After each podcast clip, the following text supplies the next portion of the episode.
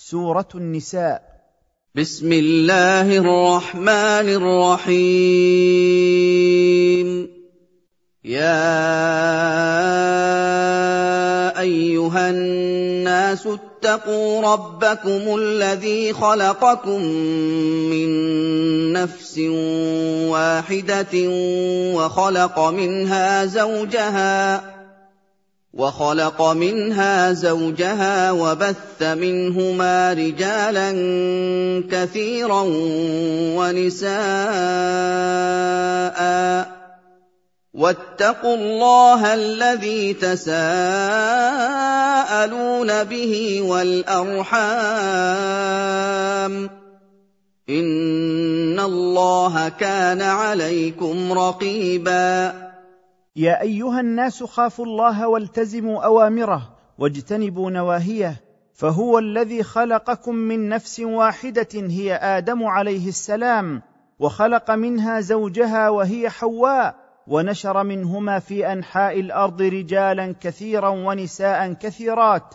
وراقبوا الله الذي يسأل به بعضكم بعضا واحذروا أن تقطعوا أرحامكم إن الله مراقب لجميع أحوالكم. وآتوا اليتامى أموالهم ولا تتبدلوا الخبيث بالطيب ولا تأكلوا أموالهم إلى أموالكم إنه كان حوبا كبيرا. وأعطوا من مات آباؤهم وهم دون البلوغ وكنتم عليهم أوصياء أموالهم إذا وصلوا سن البلوغ ورأيتم منهم قدرة على حفظ أموالهم ولا تأخذوا الجيد من أموالهم وتجعلوا مكانه الرديء من أموالكم ولا تخلطوا أموالهم بأموالكم لتحتالوا بذلك على أكل أموالهم ان من تجرا على ذلك فقد ارتكب إثما عظيما. وان خفتم الا تقسطوا في اليتامى فانكحوا ما طاب لكم من النساء مثنى وثلاث ورباع فان خفتم الا تعدلوا فواحده أو ما ملكت ايمانكم ذلك ادنى الا تعولوا. وان خفتم الا تعدلوا في يتامى النساء اللاتي تحت ايديكم بالا تعطوهن مهورهن كغيرهن فاتركوهن وانكحوا ما طاب لكم من النساء من غيرهن اثنتين أو ثلاثا أو اربعا فان خشيتم الا تعدلوا بينهن فاكتفوا بواحده أو بما عندكم من الاماء ذلك الذي شرعته لكم في اليتيمات والزواج من واحدة إلى أربع أو الاقتصار على واحدة أو ملك اليمين أقرب إلى عدم الجور والتعدي. وآتوا النساء صدقاتهن نحلة. فان طبن لكم عن شيء منه نفسا فكلوه هنيئا مريئا. واعطوا ايها الازواج النساء مهورهن عطيه واجبه وفريضه لازمه عن طيب نفس منكم. فان طابت انفسهن لكم عن شيء من المهر فوهبنه لكم فخذوه وتصرفوا فيه. فهو حلال طيب. ولا تؤتوا السفهاء أموالكم التي جعل الله لكم قياما وارزقوهم فيها واكسوهم وقولوا لهم قولا معروفا. ولا تؤتوا أيها الأولياء من يبذر من الرجال والنساء والصبيان أموالهم التي تحت أيديكم فيضعوها في غير وجهها فهذه الأموال هي التي عليها قيام حياة الناس وأنفقوا عليهم منها واكسوهم وقولوا لهم قولا معروفا من الكلام الطيب والخلق الحسن. وابتلوا اليتامى حتى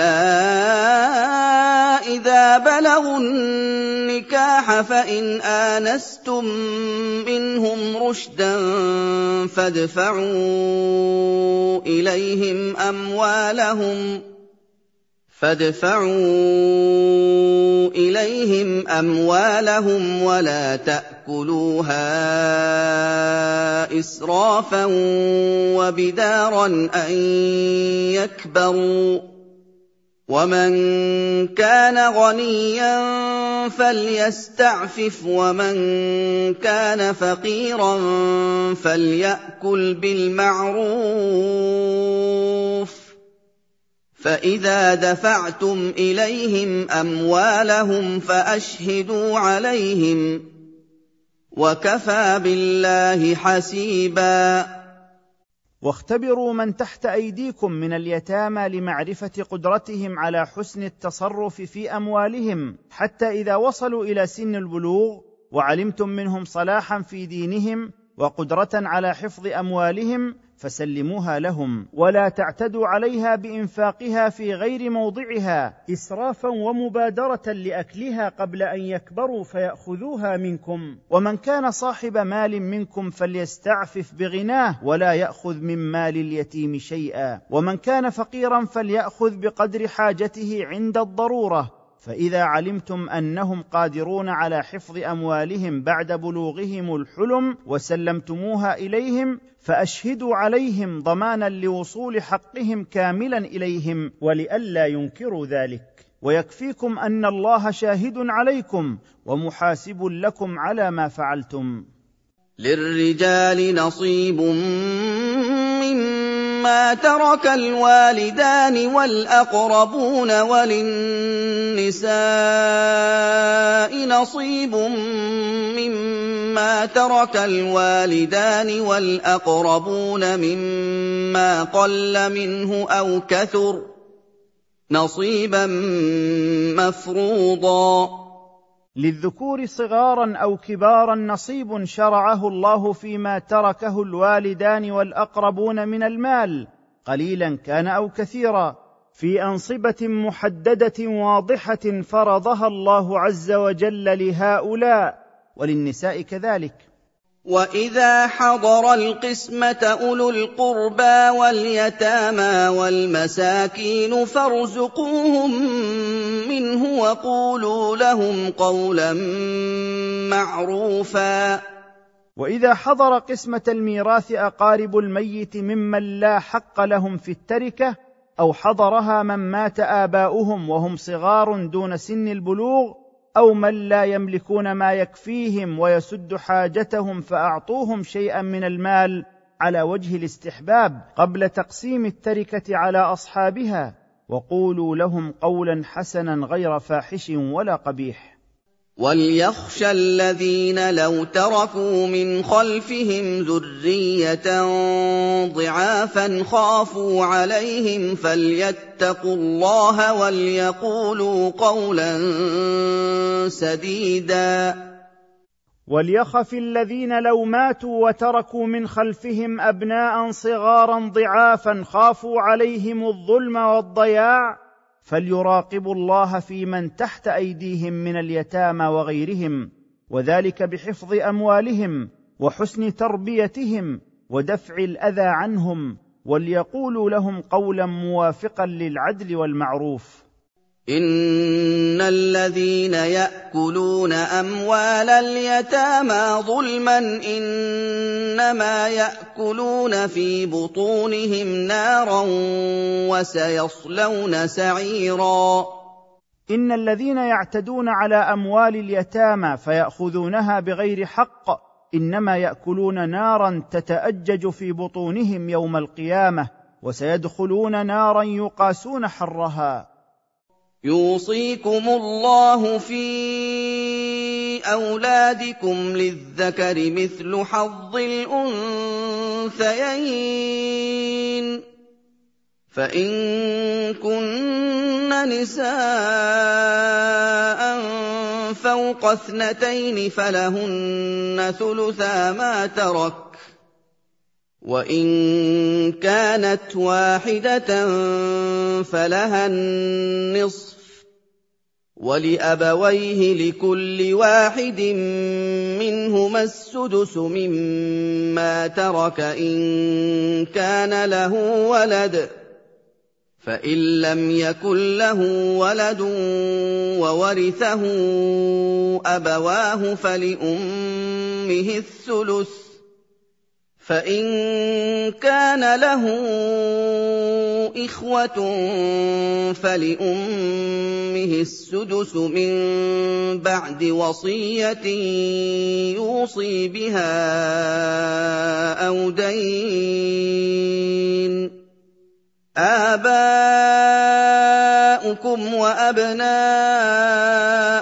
لا تدرون أيهم أقرب لكم نفعا.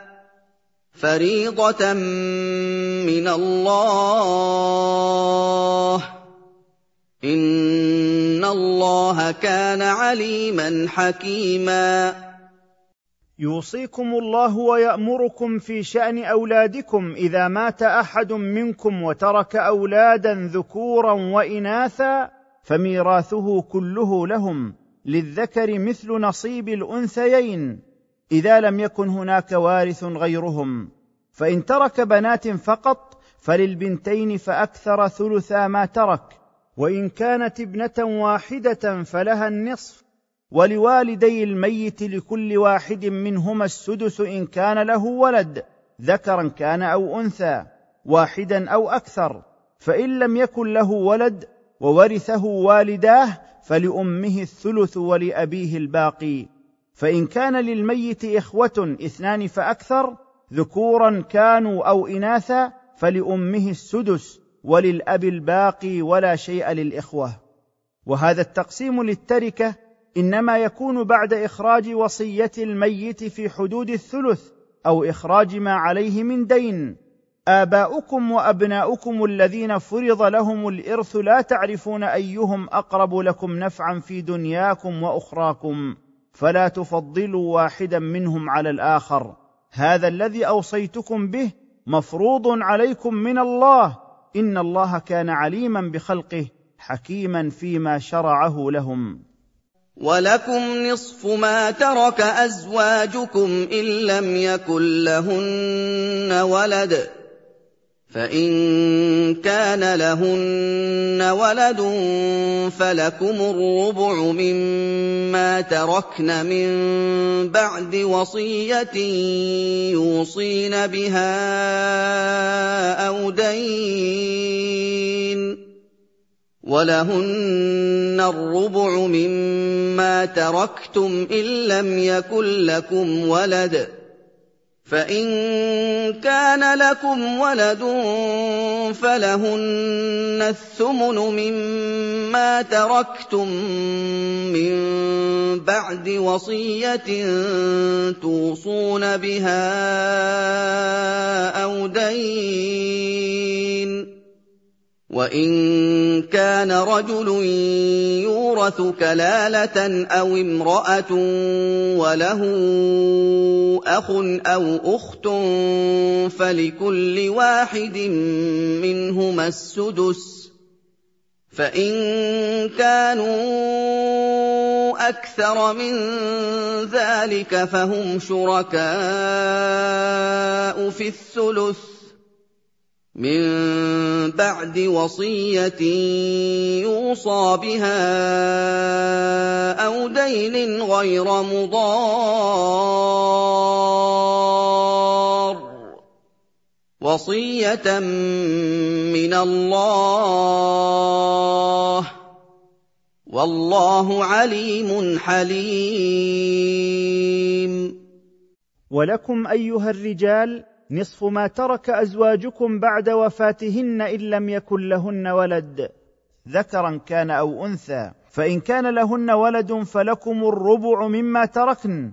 ترثونه من بعد إنفاذ وصيتهن الجائزة أو ما يكون عليهن من دين لمستحقيه. ولأزواجكم أيها الرجال الربع مما تركتم. إن لم يكن لكم ابن أو ابنة منهن أو من غيرهن. فإن كان لكم ابن أو ابنة فلهن الثمن مما تركتم يقسم الربع أو الثمن بينهن. فإن كانت زوجة واحدة كان هذا ميراثا لها من بعد إنفاذ ما كنتم أوصيتم به من الوصايا الجائزة أو قضاء ما يكون عليكم من دين.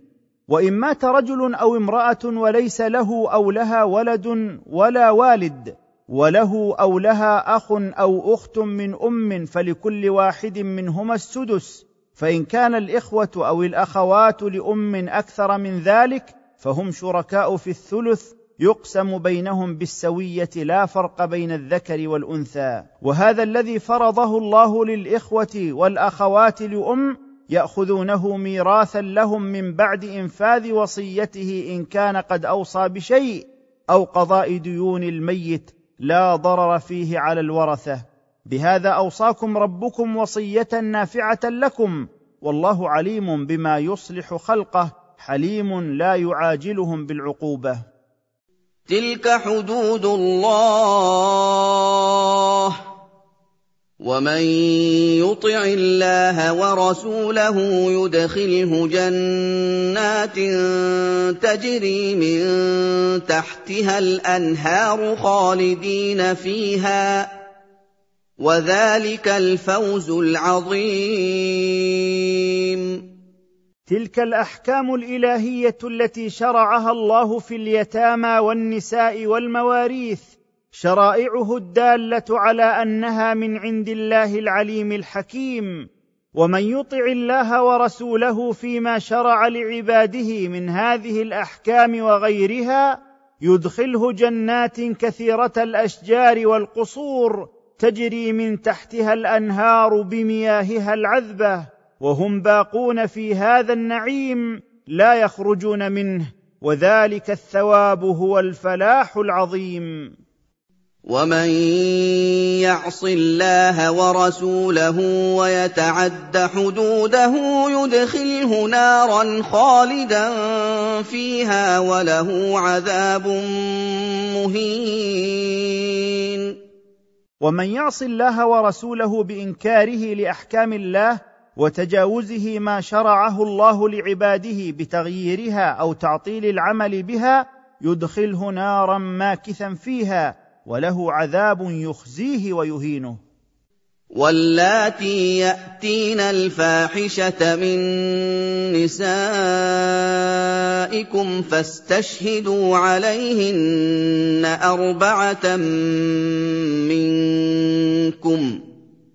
فان شهدوا فامسكوهن في البيوت حتى يتوفاهن الموت أو يجعل الله لهن سبيلا واللذان ياتيانها منكم فاذوهما فان تابا واصلحا فاعرضوا عنهما ان الله كان توابا رحيما. واللذان يقعان في فاحشه الزنا فاذوهما بالضرب والهجر والتوبيخ. فإن تابا عما وقع منهما وأصلحا بما يقدمان من الأعمال الصالحة فاصفحوا عن أذاهما. ويستفاد من هذه الآية والتي قبلها أن الرجال إذا فعلوا الفاحشة يؤذون والنساء يحبسن ويؤذين فالحبس غايته الموت والأذية نهايتها إلى التوبة والصلاح. وكان هذا في صدر الإسلام ثم نسخ بما شرع الله ورسوله. وهو الرجم للمحصن والمحصنة وهما الحران البالغان العاقلان اللذان جامعا في نكاح صحيح. والجلد مئة جلدة وتغريب عام لغيرهما. إن الله كان توابا على عباده التائبين رحيما بهم. إنما التوبة على الله للذين يعملون السوء بجهالة ثم يتوبون من قريب فأولئك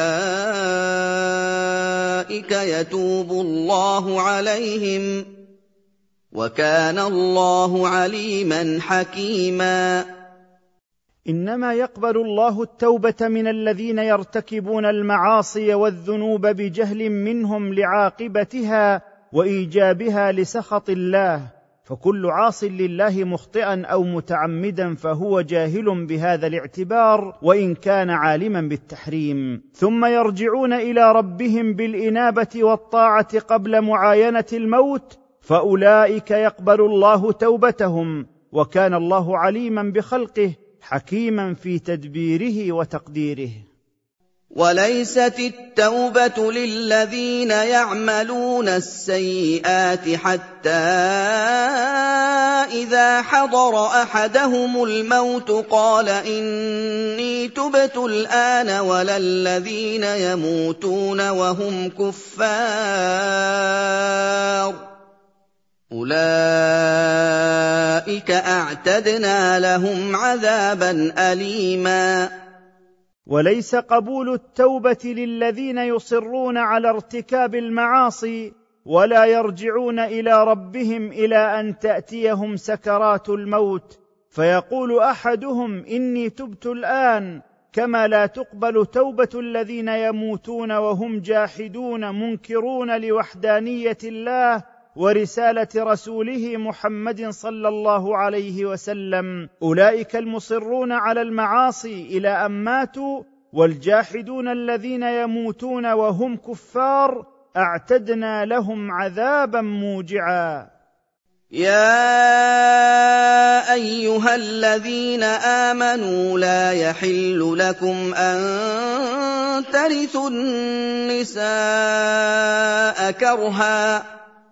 ولا تعضلوهن لتذهبوا ببعض ما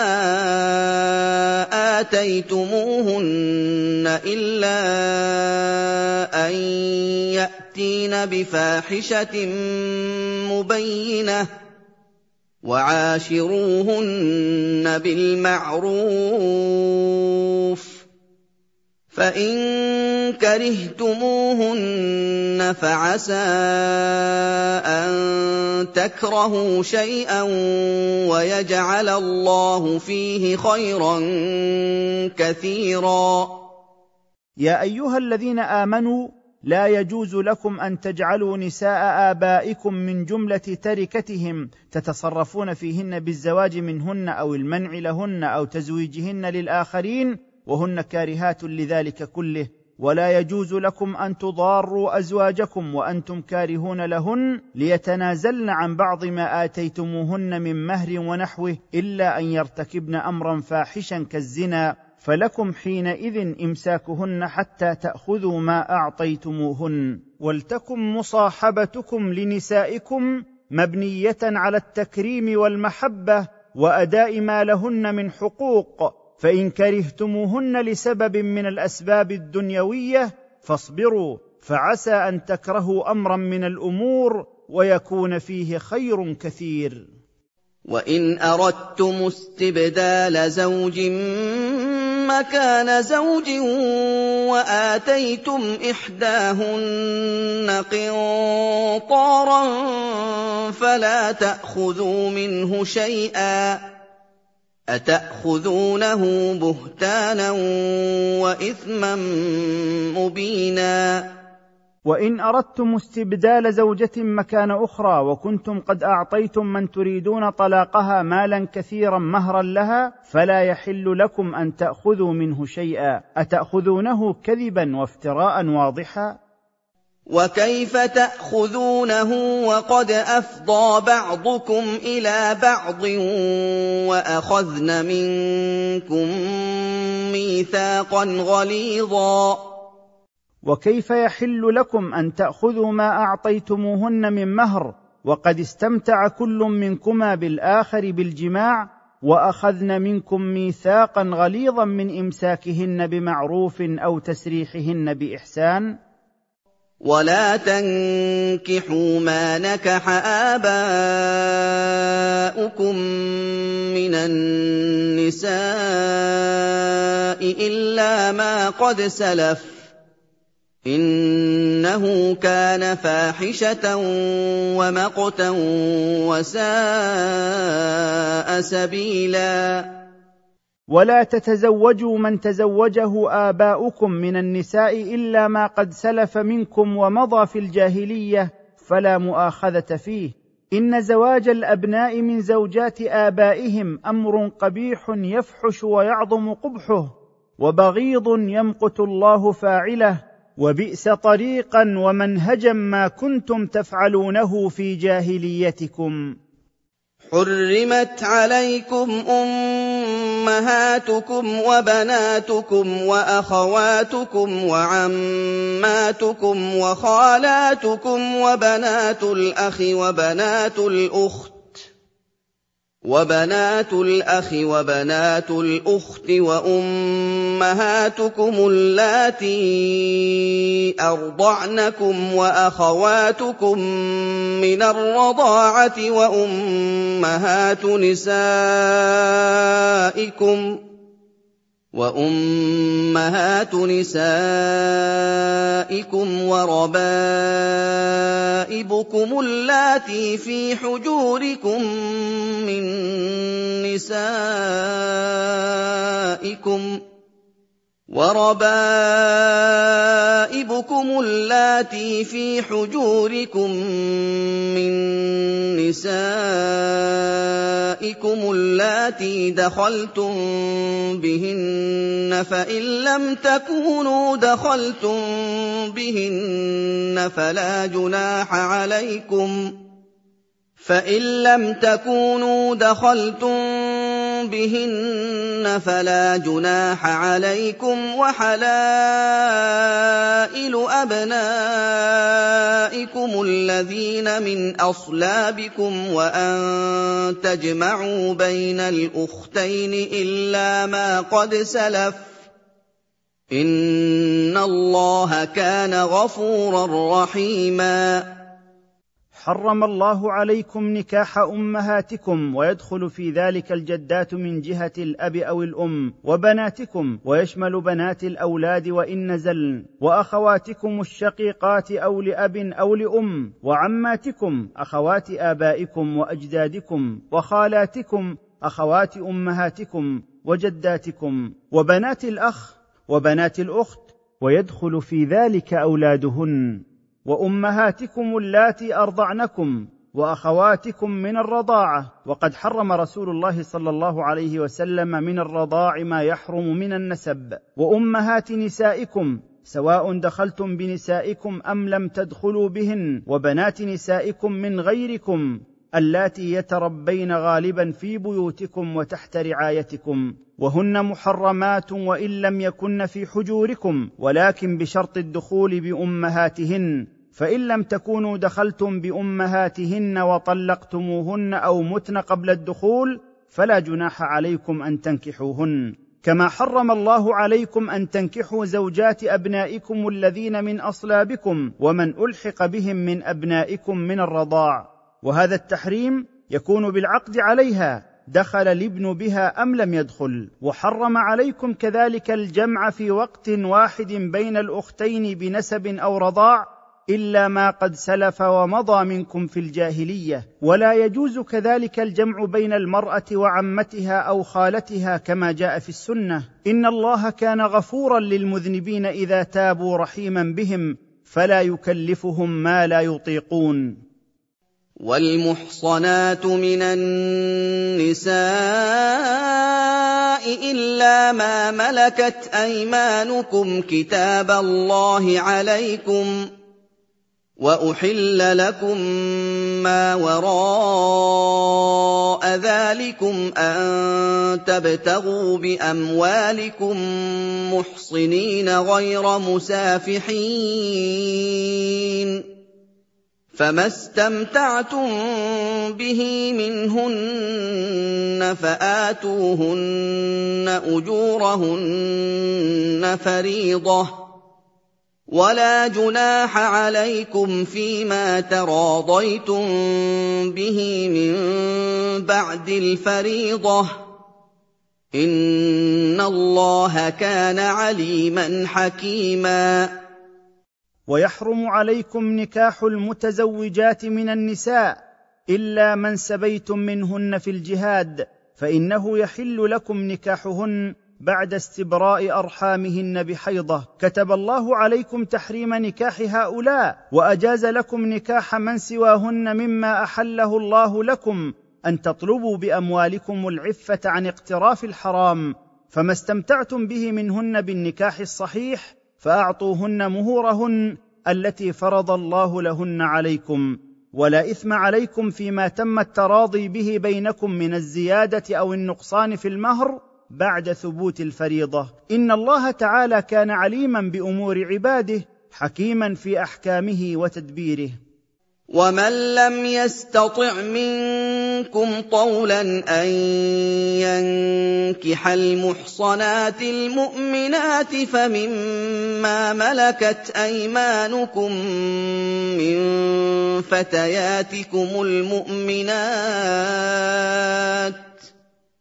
والله أعلم بإيمانكم بعضكم من بعض فانكحوهن بإذن أهلهن وآتوهن أجورهن بالمعروف محصنات غير مسافحات محصنات غير مسافحات ولا متخذات أخدان فَإِذَا أُحْصِنَّ فَإِنْ أَتَيْنَ بِفَاحِشَةٍ فَعَلَيْهِنَّ نِصْفُ مَا عَلَى الْمُحْصَنَاتِ مِنَ الْعَذَابِ ۚ ذَٰلِكَ لِمَنْ خَشِيَ الْعَنَتَ مِنكُمْ ۚ وَأَن تَصْبِرُوا خَيْرٌ لَّكُمْ ۗ والله غفور رحيم ومن لا قدره له على مهور الحرائر المؤمنات فله ان ينكح غيرهن من فتياتكم المؤمنات المملوكات والله تعالى هو العليم بحقيقه ايمانكم بعضكم من بعض فتزوجوهن بموافقة أهلهن وأعطوهن مهورهن على ما تراضيتم به عن طيب نفس منكم متعففات عن الحرام غير مجاهرات بالزنا ولا مسرات به باتخاذ اخلاء فإذا تزوجن وأتين بفاحشة الزنا فعليهن من الحد وهو الجلد للرجم نصف ما على الحرائر. ذلك الذي أبيح من نكاح الإماء بالصفة المتقدمة إنما أبيح لمن خاف على نفسه الوقوع في الزنا وشق عليه الصبر عن الجماع. والصبر عن نكاح الإماء مع العفة أولى وأفضل. والله تعالى غفور لكم رحيم بكم. إذ أذن لكم في نكاحهن عند العجز عن نكاح الحرائر.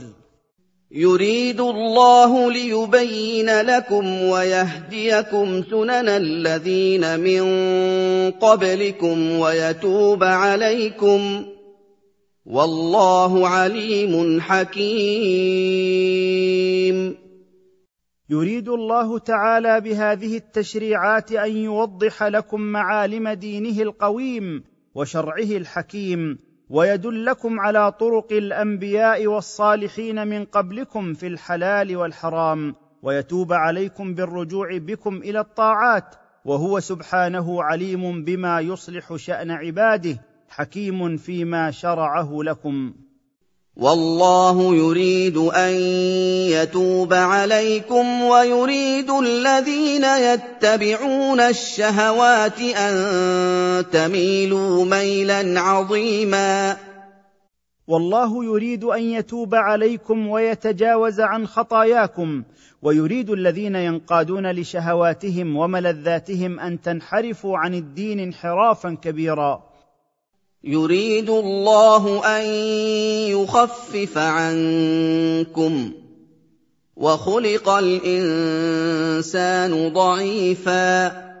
يريد الله تعالى بما شرعه لكم التيسير وعدم التشديد عليكم لأنكم خلقتم ضعفاء. يَا أَيُّهَا الَّذِينَ آمَنُوا لَا تَأْكُلُوا أَمْوَالَكُم بَيْنَكُم بِالْبَاطِلِ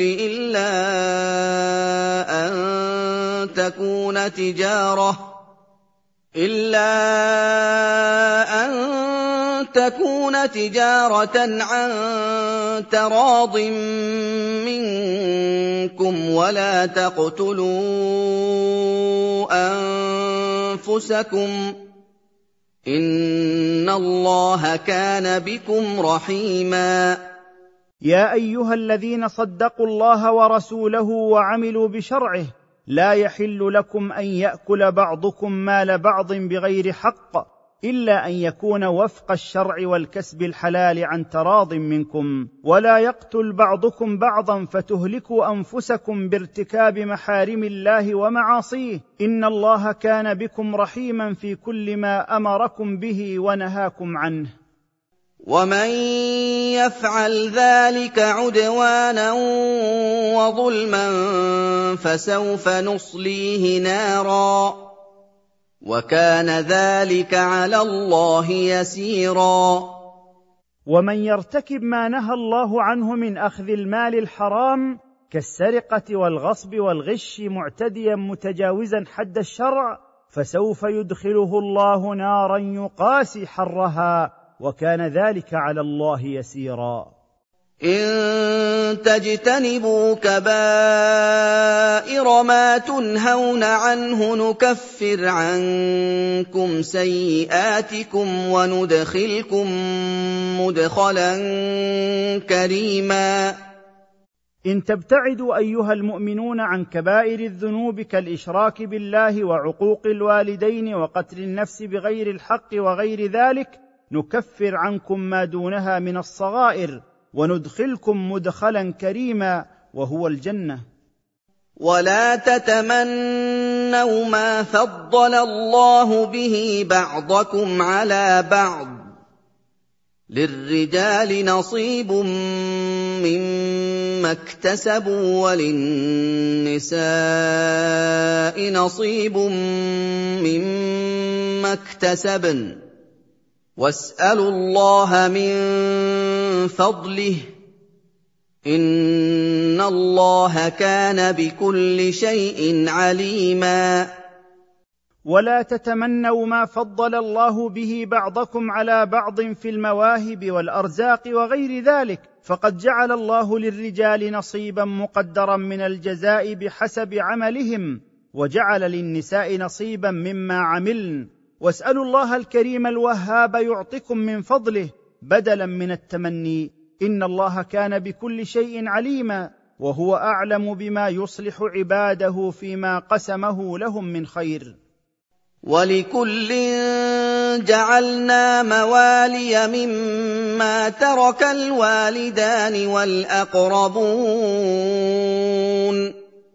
والذين عقدت ايمانكم فاتوهم نصيبهم ان الله كان على كل شيء شهيدا ولكل واحد منكم جعلنا ورثه يرثون مما ترك الوالدان والاقربون والذين تحالفتم معهم بالايمان المؤكده على النصره واعطائهم شيئا من الميراث فأعطوهم ما قدر لهم والميراث بالتحالف كان في أول الإسلام ثم رفع حكمه بنزول آيات المواريث. إن الله كان مطلعا على كل شيء من أعمالكم وسيجازيكم على ذلك.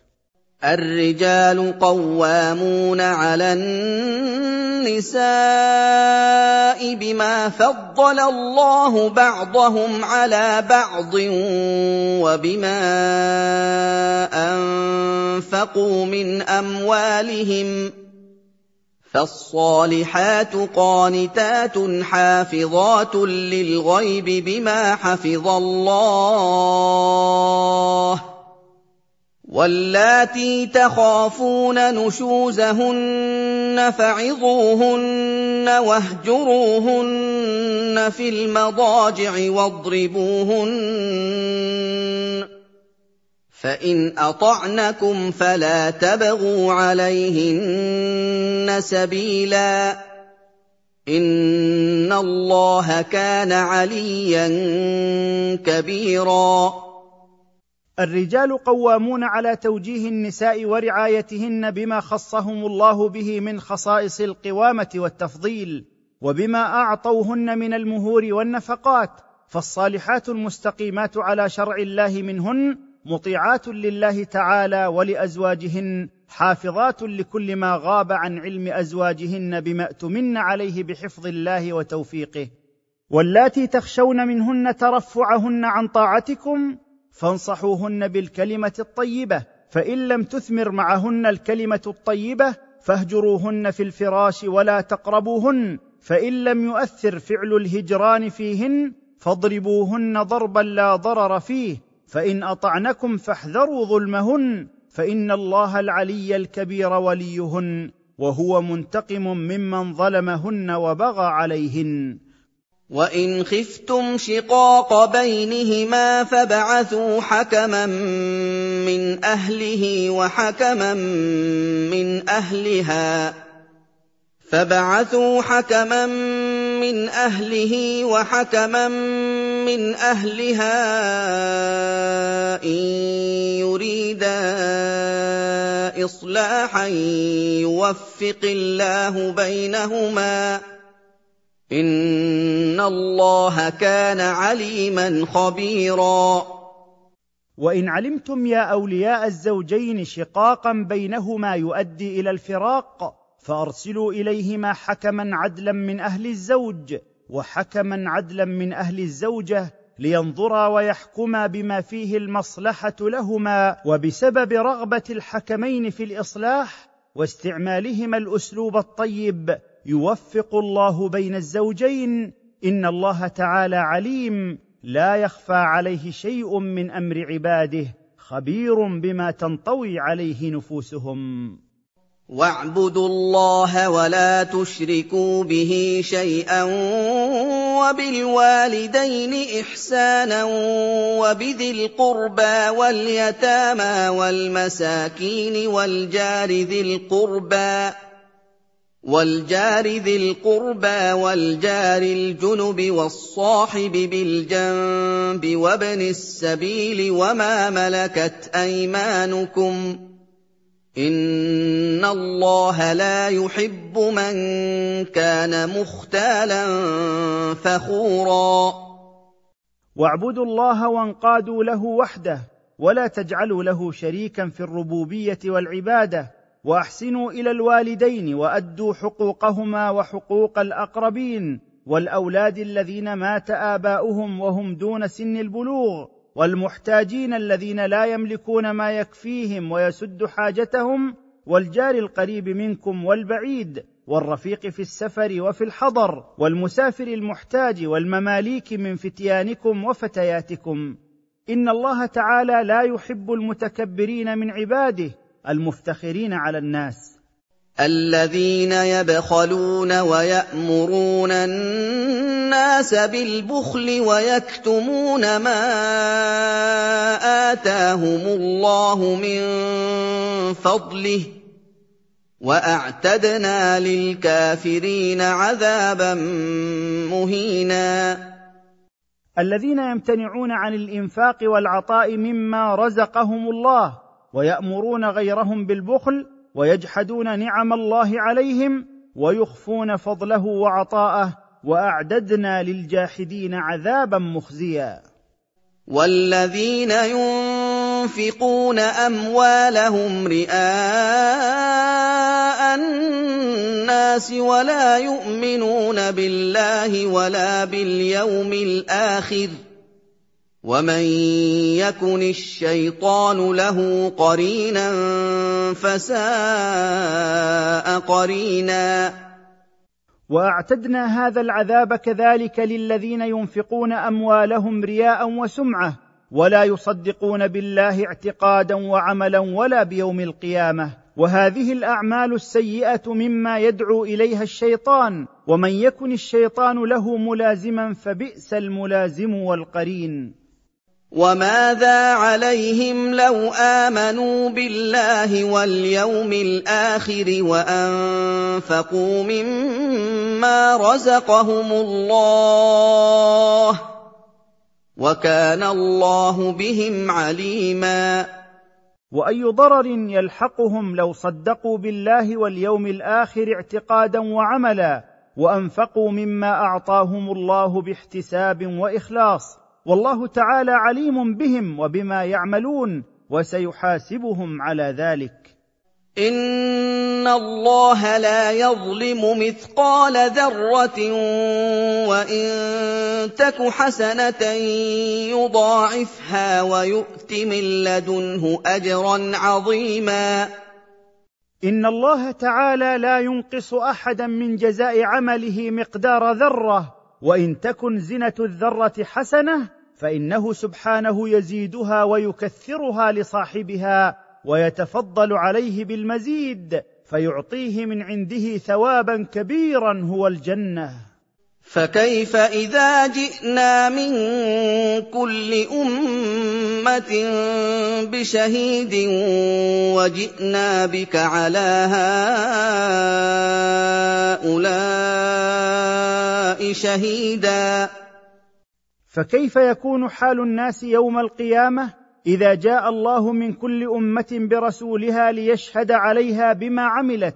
وجاء بك أيها الرسول لتكون شهيدا على أمتك أنك بلغتهم رسالة ربك. يومئذ يود الذين كفروا وعصوا الرسول لو تسوى بهم الأرض ولا يكتمون الله حديثا يوم يكون ذلك يتمنى الذين كفروا بالله تعالى وخالفوا الرسول ولم يطيعوه لو يجعلهم الله والارض سواء فيصيرون ترابا حتى لا يبعثوا وهم لا يستطيعون أن يخفوا عن الله شيئا مما في أنفسهم إذ ختم الله على أفواههم وشهدت عليهم جوارحهم بما كانوا يعملون.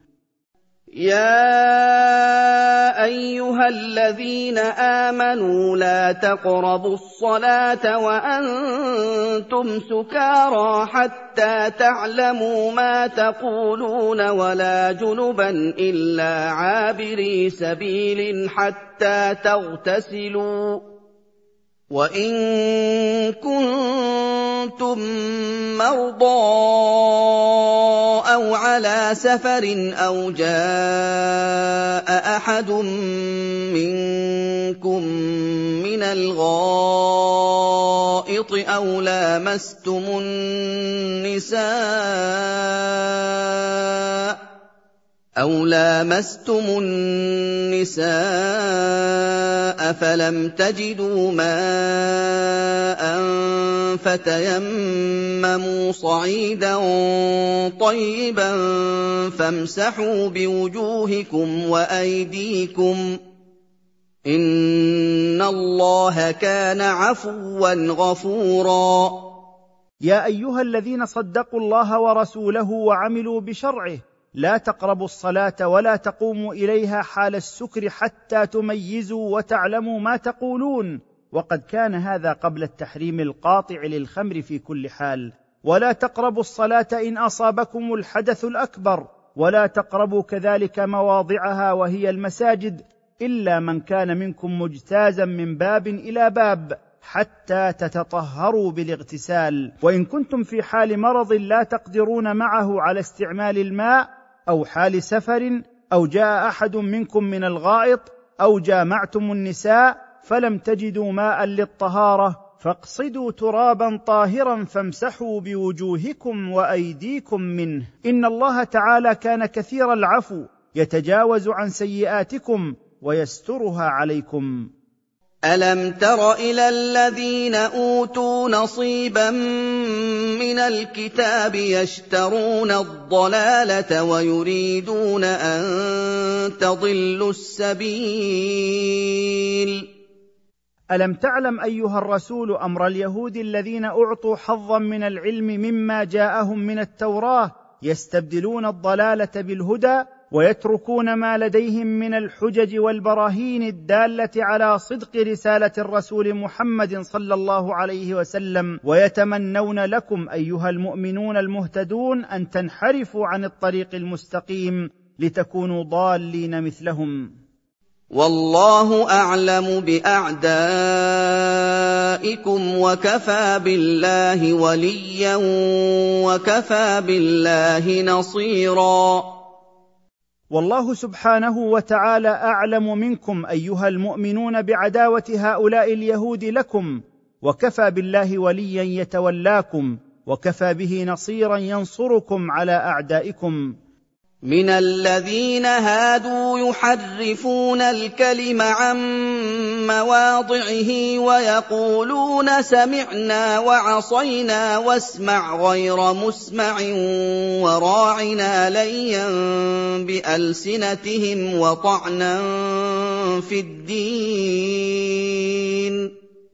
وَلَوْ أَنَّهُمْ قَالُوا سَمِعْنَا وَأَطَعْنَا وَاسْمَعْ وَانظُرْنَا لَكَانَ خَيْرًا لَّهُمْ وَأَقْوَمَ وَلَٰكِن لَّعَنَهُمُ اللَّهُ بِكُفْرِهِمْ فَلَا يُؤْمِنُونَ إِلَّا قَلِيلًا.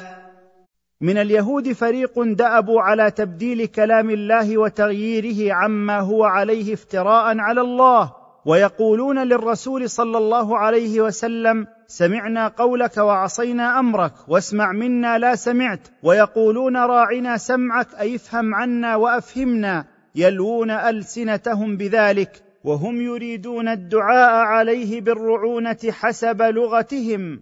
والطعن في دين الإسلام ولو أنهم قالوا سمعنا وأطعنا بدل وعصينا واسمع دون غير مسمع وانظرنا بدل راعنا لكان ذلك خيرا لهم عند الله وأعدل قولا ولكن الله طردهم من رحمته بسبب كفرهم وجحودهم نبوة محمد صلى الله عليه وسلم فلا يصدقون بالحق إلا تصديقا قليلا لا ينفعهم.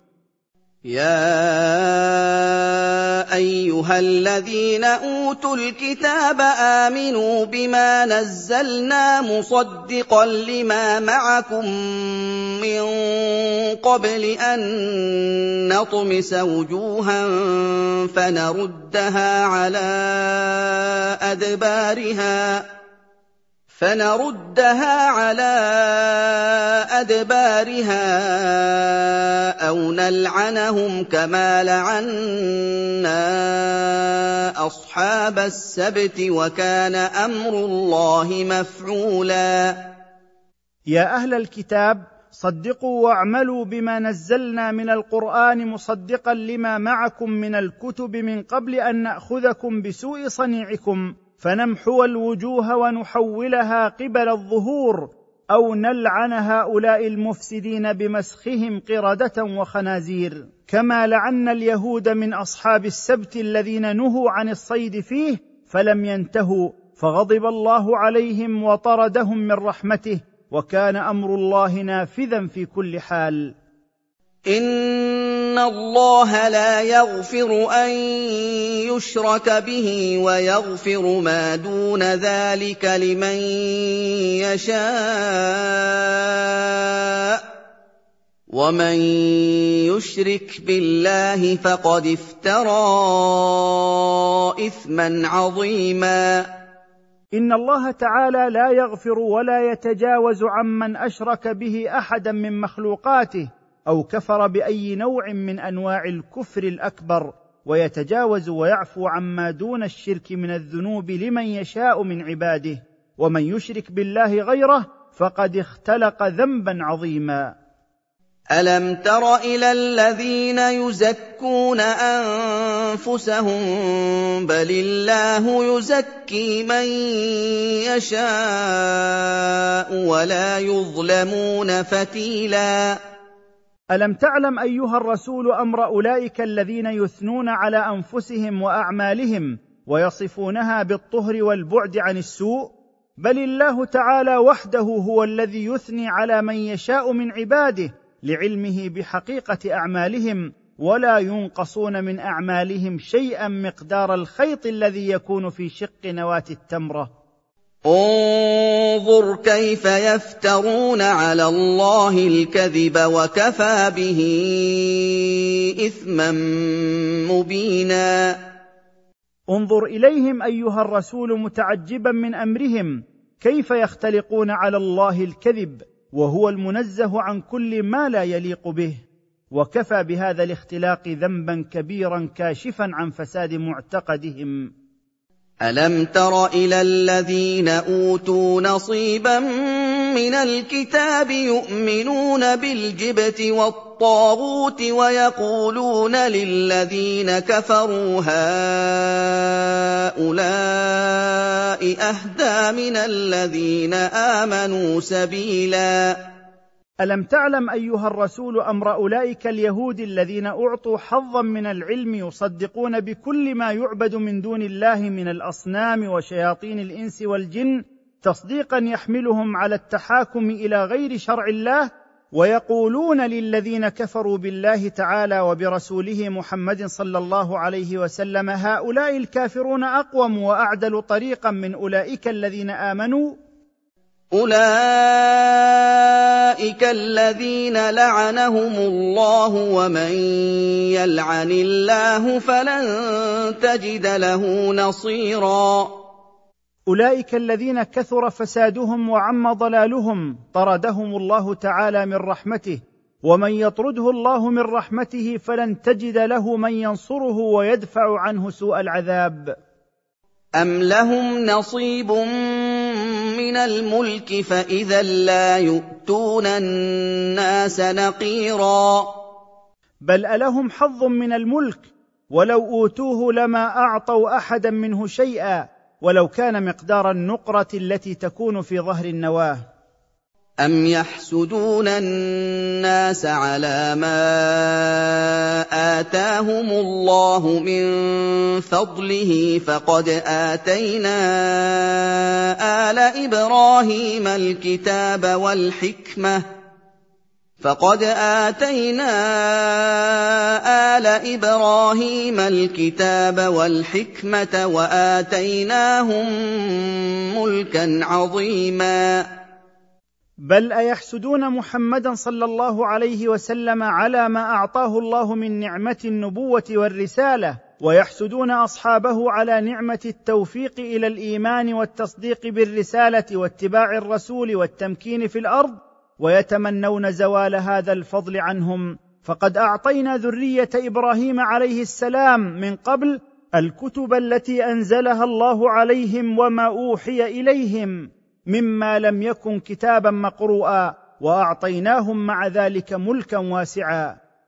فمنهم من آمن به ومنهم من صد عنه وكفى بجهنم سعيرا. فمن هؤلاء الذين أوتوا حظا من العلم من صدق برسالة محمد صلى الله عليه وسلم وعمل بشرعه ومنهم من أعرض ولم يستجب لدعوته ومنع الناس من اتباعه. وحسبكم أيها المكذبون نار جهنم تسعر بكم.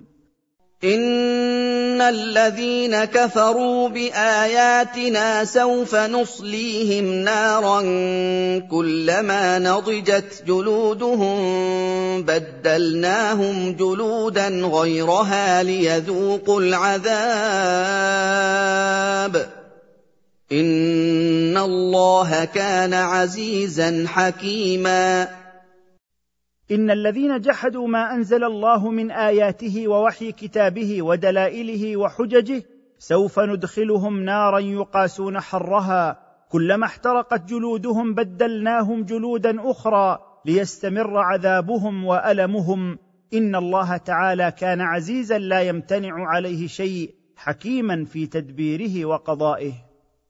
والذين امنوا وعملوا الصالحات سندخلهم جنات تجري من تحتها الانهار خالدين فيها ابدا لهم فيها ازواج مطهره وندخلهم ظلا ظليلا والذين اطمأنت قلوبهم بالإيمان بالله تعالى والتصديق برسالة رسوله محمد صلى الله عليه وسلم واستقاموا على الطاعة سندخلهم جنات تجري من تحت قصورها وأشجارها الأنهار ينعمون فيها أبدا ولا يخرجون منها ولهم فيها أزواج طهرها الله من كل أذى وندخلهم ظلا كثيفا ممتدا في الجنة.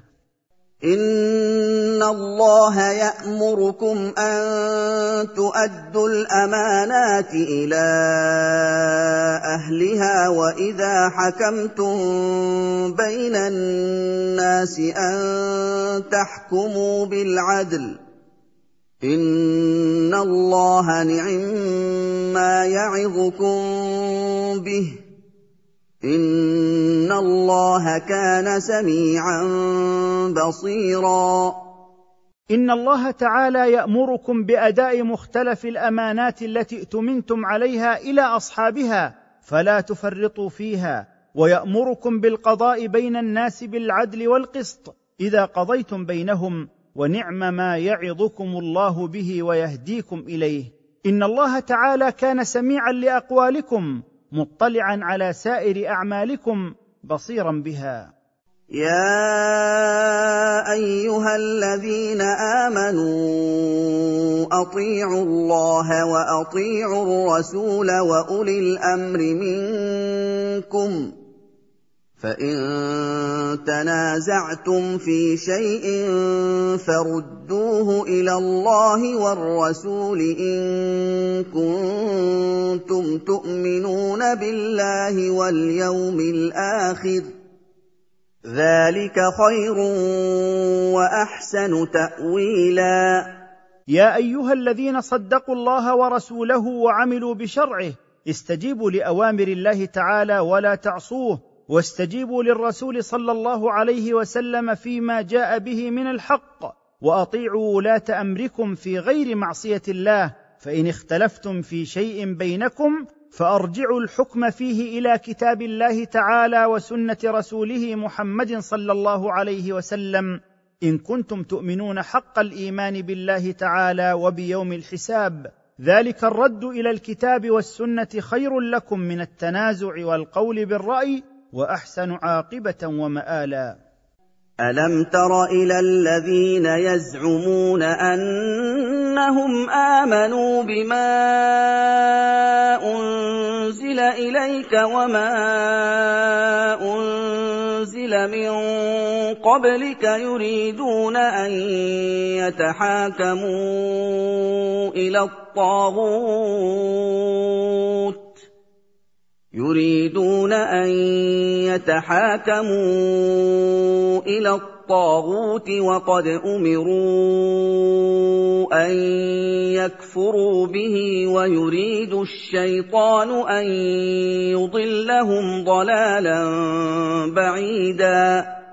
ألم تعلم أيها الرسول أمر أولئك المنافقين الذين يدعون الإيمان بما أنزل إليك وهو القرآن؟ وبما أنزل إلى الرسل من قبلك وهم يريدون أن يتحاكموا في فصل الخصومات بينهم إلى غير ما شرع الله من الباطل وقد أمروا أن يكفروا بالباطل ويريد الشيطان أن يبعدهم عن طريق الحق بعدا شديدا. وفي هذه الآية دليل على أن الإيمان الصادق يقتضي الانقياد لشرع الله والحكم به في كل أمر من الأمور. فمن زعم أنه مؤمن واختار حكم الطاغوت على حكم الله فهو كاذب في زعمه. وإذا قيل لهم تعالوا إلى ما أنزل الله وإلى الرسول رأيت المنافقين يصدون عنك صدودا.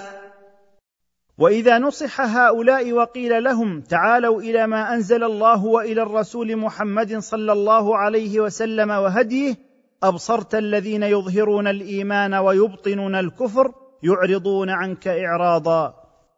فكيف اذا اصابتهم مصيبه بما قدمت ايديهم ثم جاءوك يحلفون بالله ثم جاءوك يحلفون بالله إن أردنا إلا إحسانا وتوفيقا. فكيف يكون حال أولئك المنافقين إذا حلت بهم مصيبة بسبب ما اقترفوه بأيديهم ثم جاءوك أيها الرسول يعتذرون؟ ويؤكدون لك أنهم ما قصدوا بأعمالهم تلك إلا الإحسان والتوفيق بين الخصوم. أولئك الذين يعلم الله ما في قلوبهم فأعرض عنهم وعظهم وقل لهم في أنفسهم قولا بليغا. أولئك هم الذين يعلم الله حقيقة ما في قلوبهم من النفاق فتول عنهم وحذرهم من سوء ما هم عليه وقل لهم قولا مؤثرا فيهم زاجرا لهم. وما ارسلنا من رسول الا ليطاع باذن الله ولو انهم اذ ظلموا انفسهم جاءوك فاستغفروا الله واستغفر لهم الرسول لوجدوا الله توابا رحيما. وما بعثنا من رسول من رسلنا الا ليستجاب له بامر الله تعالى وقضائه. ولو ان هؤلاء الذين ظلموا انفسهم باقتراف السيئات جاءوك أيها الرسول في حياتك تائبين سائلين الله أن يغفر لهم ذنوبهم واستغفرت لهم لوجدوا الله توابا رحيما. فلا وربك لا يؤمنون حتى يحكموك فيما شجر بينهم ثم لا يجدوا في أنفسهم حرجا مما قضيت. ثم لا يجدوا في انفسهم حرجا مما قضيت ويسلموا تسليما اقسم الله تعالى بنفسه الكريمه أن هؤلاء لا يؤمنون حقيقة حتى يجعلوك حكما فيما وقع بينهم من نزاع في حياتك ويتحاكموا إلى سنتك بعد مماتك ثم لا يجدوا في أنفسهم ضيقا مما انتهى إليه حكمك وينقادوا مع ذلك انقيادا تاما. فالحكم بما جاء به رسول الله صلى الله عليه وسلم من الكتاب والسنة في كل شأن من شؤون الحياة من صميم الإيمان مع الرضا والتسليم. ولو انا كتبنا عليهم ان اقتلوا انفسكم أو اخرجوا من دياركم ما فعلوه الا قليل منهم ولو انهم فعلوا ما يوعظون به لكان خيرا لهم واشد تثبيتا ولو أوجبنا على هؤلاء المنافقين المتحاكمين إلى الطاغوت أن يقتل بعضهم بعضا أو أن يخرجوا من ديارهم ما استجاب لذلك إلا عدد قليل منهم. ولو أنهم استجابوا لما ينصحون به لكان ذلك نافعا لهم وأقوى لإيمانهم. ولأعطيناهم من عندنا ثوابا عظيما في الدنيا والآخرة. ولأرشدناهم ووفقناهم إلى طريق الله القويم. واذا لاتيناهم من لدنا اجرا عظيما ولو اوجبنا على هؤلاء المنافقين المتحاكمين إلى الطاغوت ان يقتل بعضهم بعضا أو ان يخرجوا من ديارهم ما استجاب لذلك الا عدد قليل منهم ولو انهم استجابوا لما ينصحون به لكان ذلك نافعا لهم واقوى لايمانهم ولأعطيناهم من عندنا ثوابا عظيما في الدنيا والآخرة ولأرشدناهم ووفقناهم إلى طريق الله القويم. ولهديناهم صراطا مستقيما. ولو أوجبنا على هؤلاء المنافقين المتحاكمين إلى الطاغوت أن يقتل بعضهم بعضا أو أن يخرجوا من ديارهم ما استجاب لذلك إلا عدد قليل منهم. ولو أنهم استجابوا لما ينصحون به لكان ذلك نافعا لهم وأقوى لإيمانهم. ولأعطيناهم من عندنا ثوابا عظيما في الدنيا والآخرة. ولأرشدناهم ووفقناهم إلى طريق الله القويم. ومن يطع الله والرسول فاولئك مع الذين انعم الله عليهم من النبيين والصديقين والشهداء والصالحين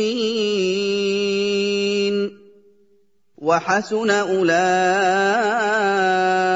رفيقا ومن يستجب لأوامر الله تعالى وهدي رسوله محمد صلى الله عليه وسلم فأولئك الذين عظم شأنهم وقدرهم فكانوا في صحبة من أنعم الله تعالى عليهم بالجنة من الأنبياء والصديقين الذين كمل تصديقهم بما جاءت به الرسل اعتقادا وقولا وعملا والشهداء في سبيل الله وصالح المؤمنين وحسن هؤلاء رفقاء في الجنة. ذلك الفضل من الله وكفى بالله عليما. ذلك العطاء الجزيل من الله وحده. وكفى بالله عليما يعلم احوال عباده ومن يستحق منهم الثواب الجزيل بما قام به من الاعمال الصالحه. يا ايها الذين امنوا خذوا حذركم فانفروا ثبات أو انفروا جميعا. يا ايها الذين امنوا خذوا حذركم بالاستعداد لعدوكم فاخرجوا لملاقاته جماعة بعد جماعة أو مجتمعين. وان منكم لمن ليبطئن فان اصابتكم مصيبه قال قد انعم الله علي اذ لم اكن معهم شهيدا وإن منكم لنفرا يتأخر عن الخروج لملاقاة الأعداء متثاقلا ويثبط غيره عن عمد وإصرار. فإن قدر عليكم وأصبتم بقتل وهزيمة قال مستبشرا قد حفظني الله حين لم أكن حاضرا مع أولئك الذين وقع لهم ما أكرهه لنفسي وسره تخلفه عنكم. ولئن أصابكم فضل من الله ليقولن كان لم تكن بينكم وبينه مودة يا ليتني كنت معهم فأفوز فوزا عظيما. ولئن لكم فضل من الله وغنيمة ليقولن حاسدا متحسرا كأن لم تكن بينكم وبينه مودة في الظاهر. يا ليتني كنت معهم فأظفر بما ظفروا به من النجاة والنصرة والغنيمة. فليقاتل في سبيل الله الذين يشرون الحياة الدنيا بالآخرة. ومن يقاتل في سبيل الله فيقتل أو يغلب فسوف نؤتيه اجرا عظيما.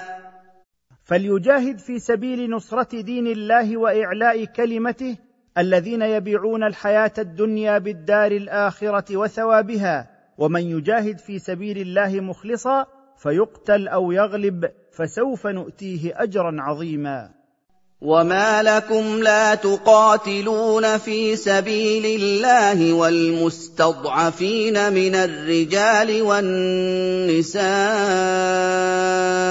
والولدان الذين يقولون ربنا اخرجنا من هذه القريه الذين يقولون ربنا أخرجنا من هذه القرية الظالم أهلها واجعل لنا من لدنك وليا واجعل لنا من لدنك نصيرا. وما الذي يمنعكم أيها المؤمنون عن الجهاد في سبيل نصرة دين الله؟ ونصرة عباده المستضعفين من الرجال والنساء والصغار الذين اعتدي عليهم ولا حيلة لهم ولا وسيلة لديهم إلا الاستغاثة بربهم يدعونه قائلين ربنا أخرجنا من هذه القرية يعني مكة التي ظلم أهلها أنفسهم بالكفر والمؤمنين بالأذى واجعل لنا من عندك وليا يتولى أمورنا ونصيرا ينصرنا على الظالمين الذين آمنوا يقاتلون في سبيل الله والذين كفروا يقاتلون في سبيل الطاغوت فقاتلوا أولياء الشيطان إن كيد الشيطان كان ضعيفا. الذين صدقوا في إيمانهم اعتقادا وعملا يجاهدون في سبيل نصرة الحق وأهله والذين كفروا يقاتلون في سبيل البغي والفساد في الأرض. فقاتلوا أيها المؤمنون أهل الكفر والشرك الذين يتولون الشيطان ويطيعون أمره. إن تدبير الشيطان لأوليائه كان ضعيفا. الم تر إلى الذين قيل لهم كفوا ايديكم واقيموا الصلاه واتوا الزكاه فَلَمَّا كُتِبَ عَلَيْهِمُ الْقِتَالُ إِذَا فَرِيقٌ مِّنْهُمْ يَخْشَوْنَ النَّاسَ كَخَشْيَةِ اللَّهِ أَوْ أَشَدَّ خَشْيَةً وَقَالُوا رَبَّنَا لِمَ كَتَبْتَ عَلَيْنَا الْقِتَالَ لَوْلَا أَخَّرْتَنَا إِلَىٰ أَجَلٍ قَرِيبٍ. قُلْ مَتَاعُ الدُّنْيَا قَلِيلٌ وَالْآخِرَةُ خَيْرٌ لِّمَنِ اتَّقَىٰ وَلَا تُظْلَمُونَ فَتِيلًا. ألم تعلم أيها الرسول أمر أولئك الذين قيل لهم قبل الإذن بالجهاد امنعوا أيديكم عن قتال أعدائكم من المشركين وعليكم أداء ما فرضه الله عليكم من الصلاة والزكاة فلما فرض عليهم القتال إذا جماعة منهم قد تغير حالهم فأصبحوا يخافون الناس ويرهبونهم كخوفهم من الله أو أشد ويعلنون عما اعتراهم من شدة الخوف فيقولون ربنا لم أوجبت علينا القتال؟ هلا أمهلتنا إلى وقت قريب رغبة منهم في متاع الحياة الدنيا؟ قل لهم أيها الرسول متاع الدنيا قليل والآخرة وما فيها أعظم وأبقى لمن اتقى فعمل بما أمر به واجتنب ما نهي عنه ولا يظلم ربك أحدا شيئا. ولو كان مقدار الخيط الذي يكون في شق نواة التمرة. أَيْنَمَا تَكُونُوا يُدْرِككُّمُ الْمَوْتُ وَلَوْ كُنتُمْ فِي بُرُوجٍ مُّشَيَّدَةٍ ۗ وَإِن تُصِبْهُمْ حَسَنَةٌ يَقُولُوا هَٰذِهِ مِنْ عِندِ اللَّهِ ۖ وَإِن تُصِبْهُمْ سَيِّئَةٌ يَقُولُوا هَٰذِهِ مِنْ عِندِكَ قُلْ كُلٌّ مِّنْ عِندِ اللَّهِ فَمَالِ هَٰؤُلَاءِ الْقَوْمِ لَا يَكَادُونَ يَفْقَهُونَ حَدِيثًا أينما تكونوا يلحقكم الموت في أي مكان كنتم فيه عند حلول آجالكم ولو كنتم في حصون منيعة بعيدة عن ساحة المعارك والقتال وإن يحصل لهم ما يسرهم من متاع هذه الحياة ينسبوا حصوله إلى الله تعالى.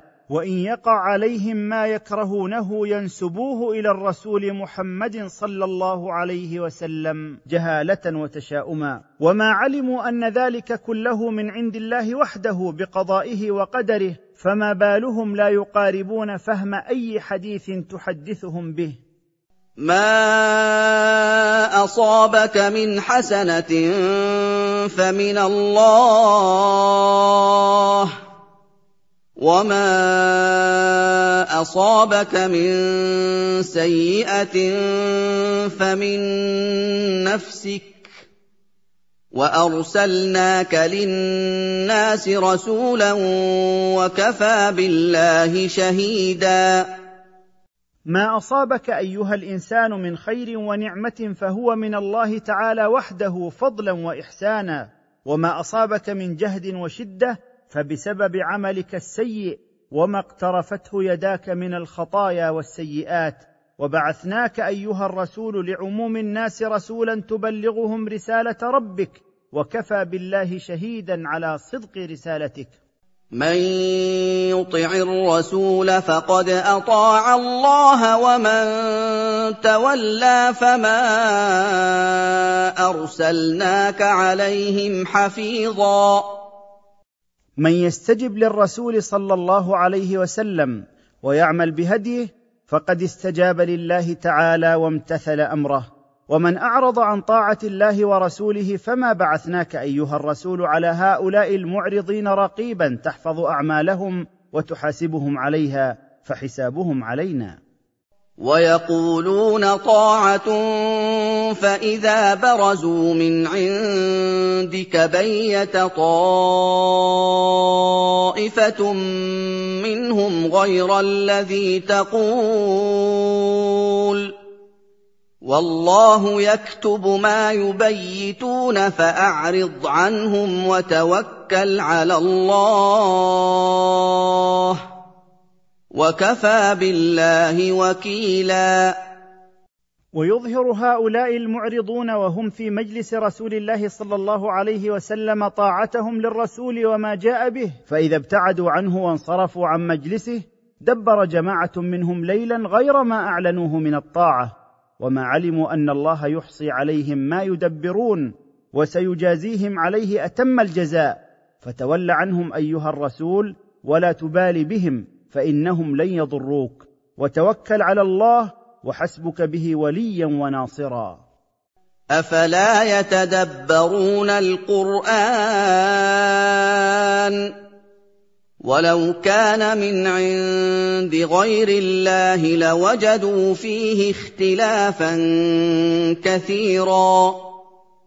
افلا ينظر هؤلاء في القران وما جاء به من الحق نظر تامل وتدبر حيث جاء على نسق محكم يقطع بانه من عند الله وحده ولو كان من عند غيره لوجدوا فيه اختلافا كثيرا. واذا جاءهم أمر من الأمن أو الخوف أذاعوا به. ولو ردوه إلى الرسول وإلى أولي الأمر منهم لعلمه الذين يستنبطونه منهم. ولولا فضل الله عليكم ورحمته لاتبعتم الشيطان إلا قليلا. وإذا جاء هؤلاء الذين لم يستقر الإيمان في قلوبهم أمر يجب كتمانه متعلقا بالأمن الذي يعود خيره على الإسلام والمسلمين أو بالخوف الذي يلقي في قلوبهم عدم الاطمئنان أفشوه وأذاعوا به في الناس. ولو رد هؤلاء ما جاءهم إلى رسول الله صلى الله عليه وسلم وإلى أهل العلم والفقه لعلم حقيقة معناه أهل الاستنباط منهم. ولولا أن تفضل الله عليكم ورحمكم لاتبعتم الشيطان ووساوسه إلا قليلا منكم. فقاتل في سبيل الله لا تكلف إلا نفسك. وحرض المؤمنين عسى الله أن يكف بأس الذين كفروا. والله أشد بأسا وأشد تنكيلا. فجاهد أيها النبي في سبيل الله وإعلاء كلمته لا تلزم فعل غيرك ولا تؤاخذ به وحض المؤمنين على القتال والجهاد ورغبهم فيه. لعل الله يمنع بك وبهم بأس الكافرين وشدتهم والله تعالى أشد قوة وأعظم عقوبة للكافرين. من يشفع شفاعة حسنة يكن له نصيب منها. ومن يشفع شفاعة سيئة يكن له كفل منها. وكان الله على كل شيء مقيتا. من يسعى لحصول غيره على الخير يكن له بشفاعته نصيب من الثواب ومن يسعى لإيصال الشر إلى غيره يكن له نصيب من الوزر والإثم. وكان الله على كل شيء شاهدا وحفيظا. وإذا حييتم بتحية فحيوا بأحسن منها أو ردوها. ان الله كان على كل شيء حسيبا. واذا سلم عليكم المسلم فردوا عليه بافضل مما سلم لفظا وبشاشه أو ردوا عليه بمثل ما سلم ولكل ثوابه وجزاؤه. ان الله تعالى كان على كل شيء مجازيا. الله لا إله إلا هو ليجمعنكم إلى يوم القيامة لا ريب فيه. ومن أصدق من الله حديثا. الله وحده المتفرد بالألوهية لجميع الخلق ليجمعنكم يوم القيامة الذي لا شك فيه للحساب والجزاء. ولا أحد أصدق من الله حديثا فيما أخبر به. فما لكم في المنافقين فئتين والله أركسهم بما كسبوا. أتريدون أن تهدوا من أضل الله ومن يضلل الله فلن تجد له سبيلا. فما لكم أيها المؤمنون في شأن المنافقين إذ اختلفتم فرقتين فرقة تقول بقتالهم وأخرى لا تقول بذلك. والله تعالى قد أوقعهم في الكفر والضلال بسبب سوء أعمالهم. أتودون هداية من صرف الله تعالى قلبه عن دينه؟ ومن خذله الله عن دينه واتباع ما أمره به فلا طريق له إلى الهدى. وَدُّوا لَوْ تَكْفُرُونَ كَمَا كَفَرُوا فَتَكُونُونَ سَوَاءً فَلَا تَتَّخِذُوا مِنْهُمْ أَوْلِيَاءَ حَتَّىٰ يُهَاجِرُوا فِي سَبِيلِ اللَّهِ.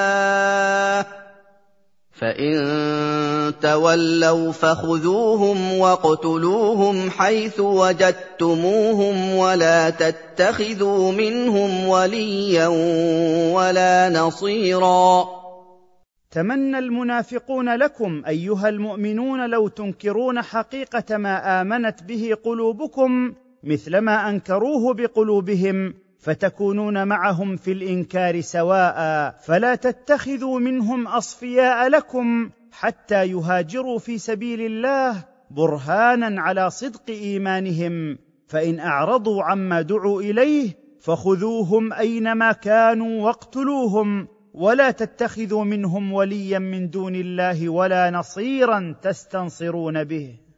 إِلَّا الَّذِينَ يَصِلُونَ إِلَىٰ قَوْمٍ بَيْنَكُمْ وَبَيْنَهُم مِّيثَاقٌ أَوْ جَاءُوكُمْ حَصِرَتْ صُدُورُهُمْ أَن يُقَاتِلُوكُمْ أَوْ يُقَاتِلُوا قَوْمَهُمْ ۚ وَلَوْ شَاءَ اللَّهُ لَسَلَّطَهُمْ عَلَيْكُمْ فَلَقَاتَلُوكُمْ ۚ فإن اعتزلوكم فلم يقاتلوكم وألقوا إليكم السلم فما جعل الله لكم عليهم سبيلا.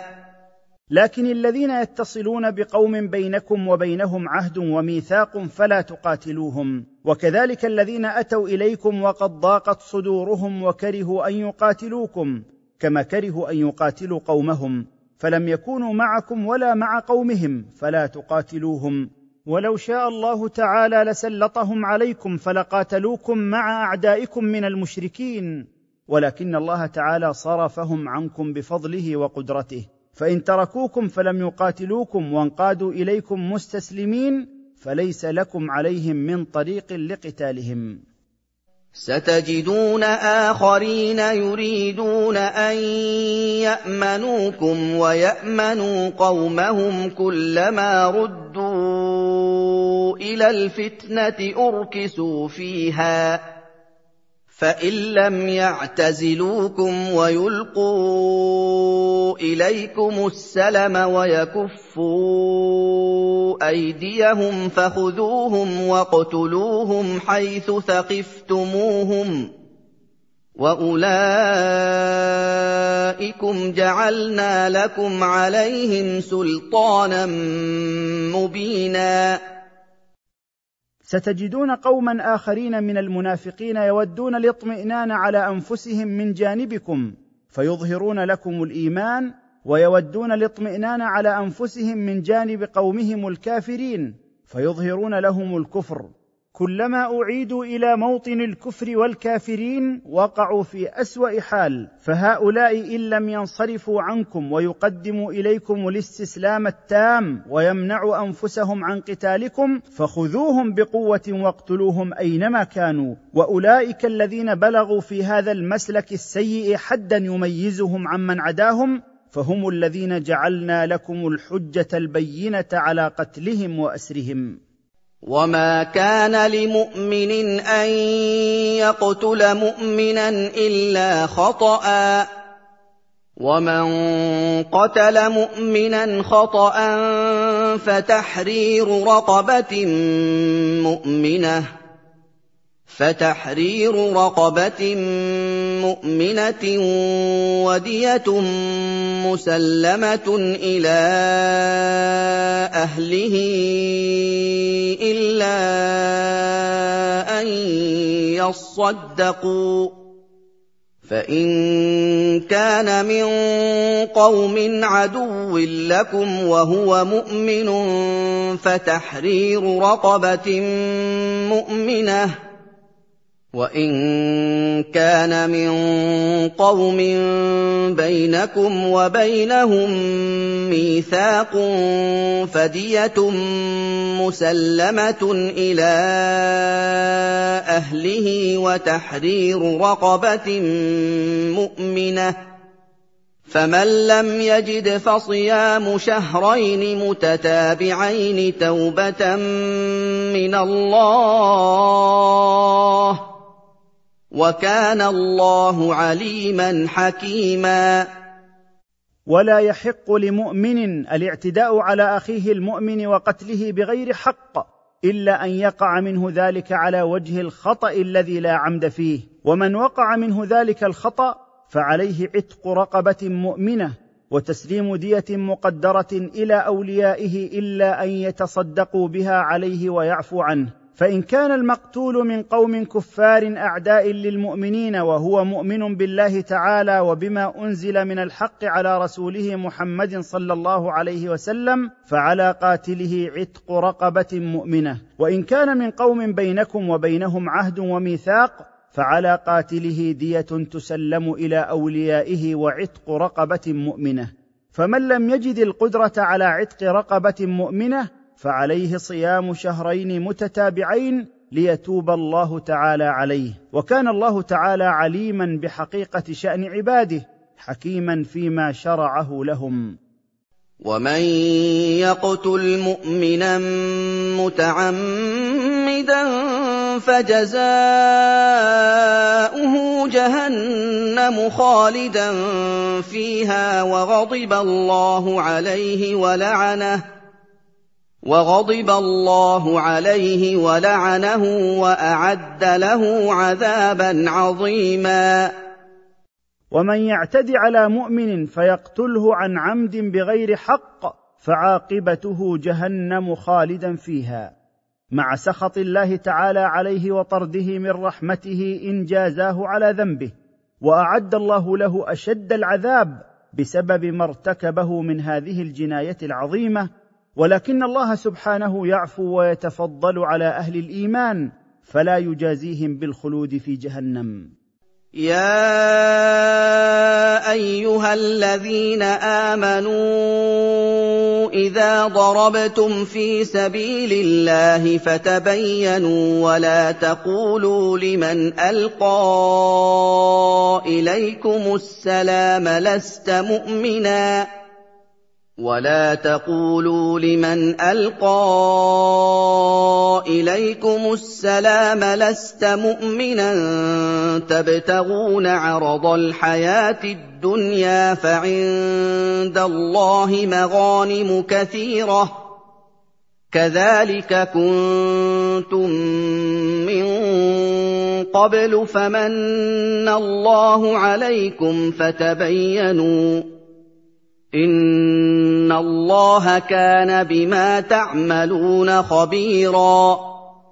يا ايها الذين صدقوا الله ورسوله وعملوا بشرعه اذا خرجتم في الأرض مجاهدين في سبيل الله فكونوا على بينه مما تاتون وتتركون. ولا تنفوا الايمان عمن بدا منه شيء من علامات الاسلام ولم يقاتلكم لاحتمال ان يكون مؤمنا يخفي ايمانه. طالبين بذلك متاع الحياة الدنيا. والله تعالى عنده من الفضل والعطاء ما يغنيكم به. كذلك كنتم في بدء الإسلام تخفون إيمانكم عن قومكم من المشركين فمن الله عليكم وأعزكم بالإيمان والقوة فكونوا على بينة ومعرفة في أموركم. إن الله تعالى عليم بكل أعمالكم مطلع على دقائق أموركم وسيجازيكم عليها. لا يستوي القاعدون من المؤمنين غير أولي الضرر والمجاهدون في سبيل الله بأموالهم وأنفسهم. فضل الله المجاهدين بأموالهم وأنفسهم على القاعدين درجة. وكلا وعد الله الحسنى. وفضل الله المجاهدين على القاعدين أجرا عظيما. لا يتساوى المتخلفون عن الجهاد في سبيل الله غير أصحاب الأعذار منهم والمجاهدون في سبيل الله بأموالهم وأنفسهم. فضل الله تعالى المجاهدين على القاعدين ورفع منزلتهم درجة عالية في الجنة. وقد وعد الله كلا من المجاهدين بأموالهم وأنفسهم والقاعدين من أهل الأعذار الجنة لما بذلوا وضحوا في سبيل الحق. وفضل الله تعالى المجاهدين على القاعدين ثوابا جزيلا. درجات منه ومغفرة ورحمة. وكان الله غفورا رحيما.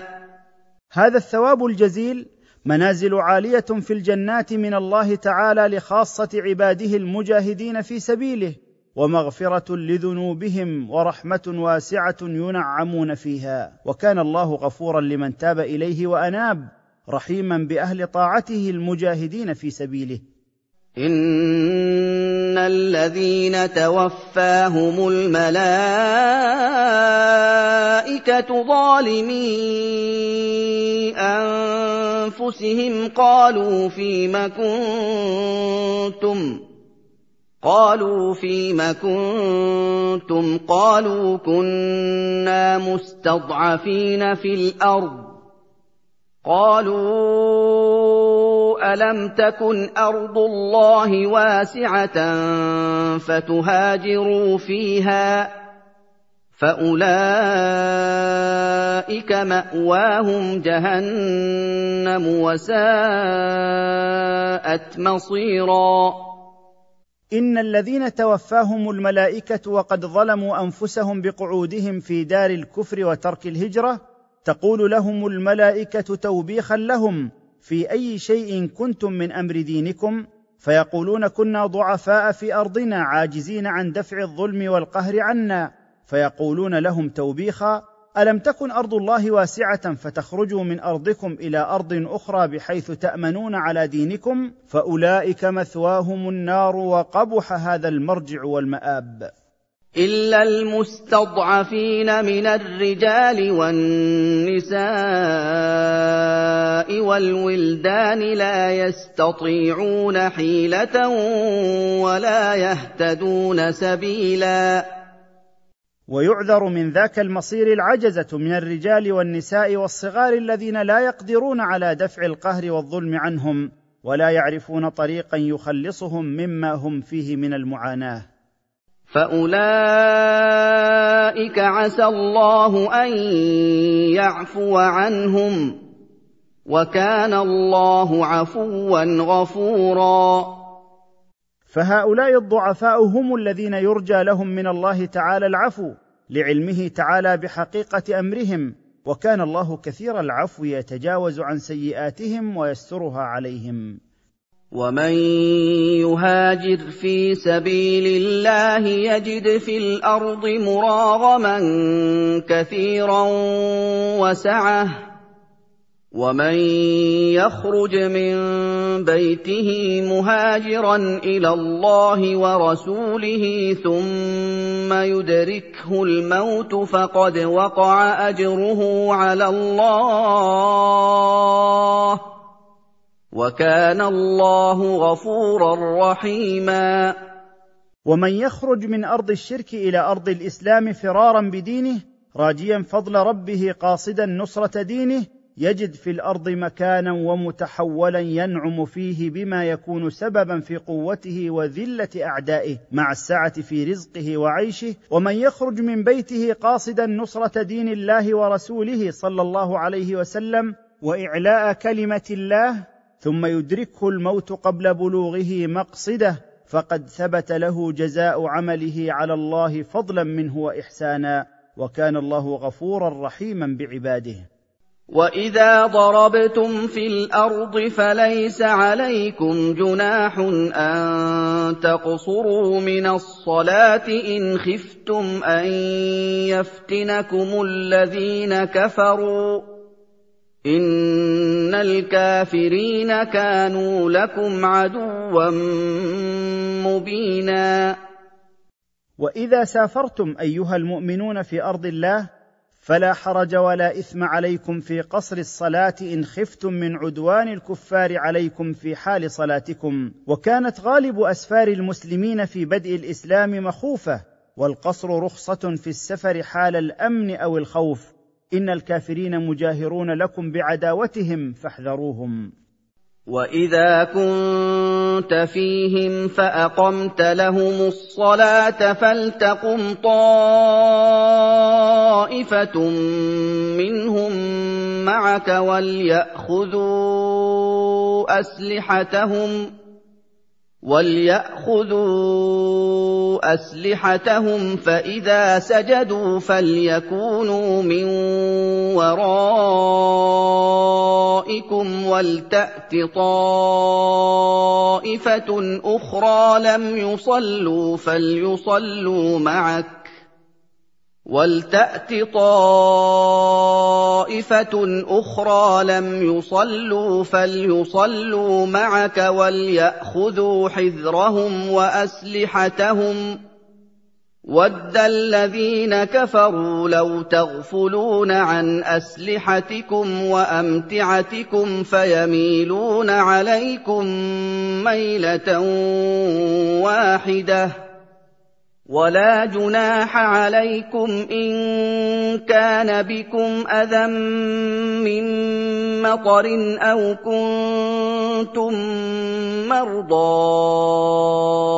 أن تضعوا أسلحتكم وخذوا حذركم إن الله أعد للكافرين عذابا مهينا وإذا كنت أيها النبي في ساحة القتال فأردت أن تصلي بهم فلتقم جماعة منهم معك للصلاة وليأخذوا سلاحهم فإذا سجد هؤلاء فلتكن الجماعة الأخرى من خلفكم في مواجهة عدوكم وتتم الجماعة الأولى ركعتهم الثانية ويسلمون. ثم تأتي الجماعة الأخرى التي لم تبدأ الصلاة فليأتموا بك في ركعتهم الأولى ثم يكملوا بأنفسهم ركعتهم الثانية وليحذروا من عدوهم وليأخذوا أسلحتهم. ود الجاحدون لدين الله أن تغفلوا عن سلاحكم وزادكم ليحملوا عليكم حملة واحدة فيقضوا عليكم. ولا إثم عليكم حينئذ إن كان بكم أذى من مطر أو كنتم في حال مرض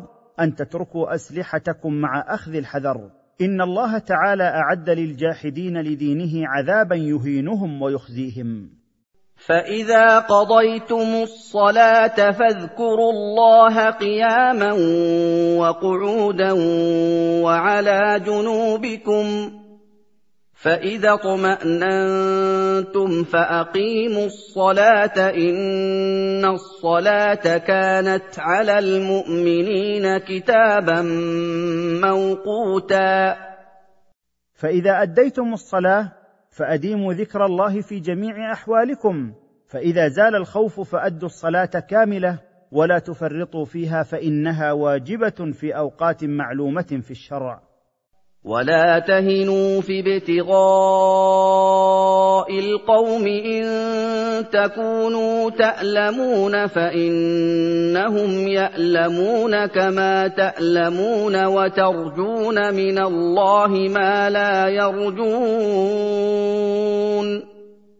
وكان الله عليما حكيما ولا تضعفوا في طلب عدوكم وقتاله. إن تكونوا تتألمون من القتال وآثاره فأعداؤكم كذلك يتألمون منه أشد الألم. ومع ذلك لا يكفون عن قتالكم. فأنتم أولى بذلك منهم لما ترجونه من الثواب والنصر والتأييد.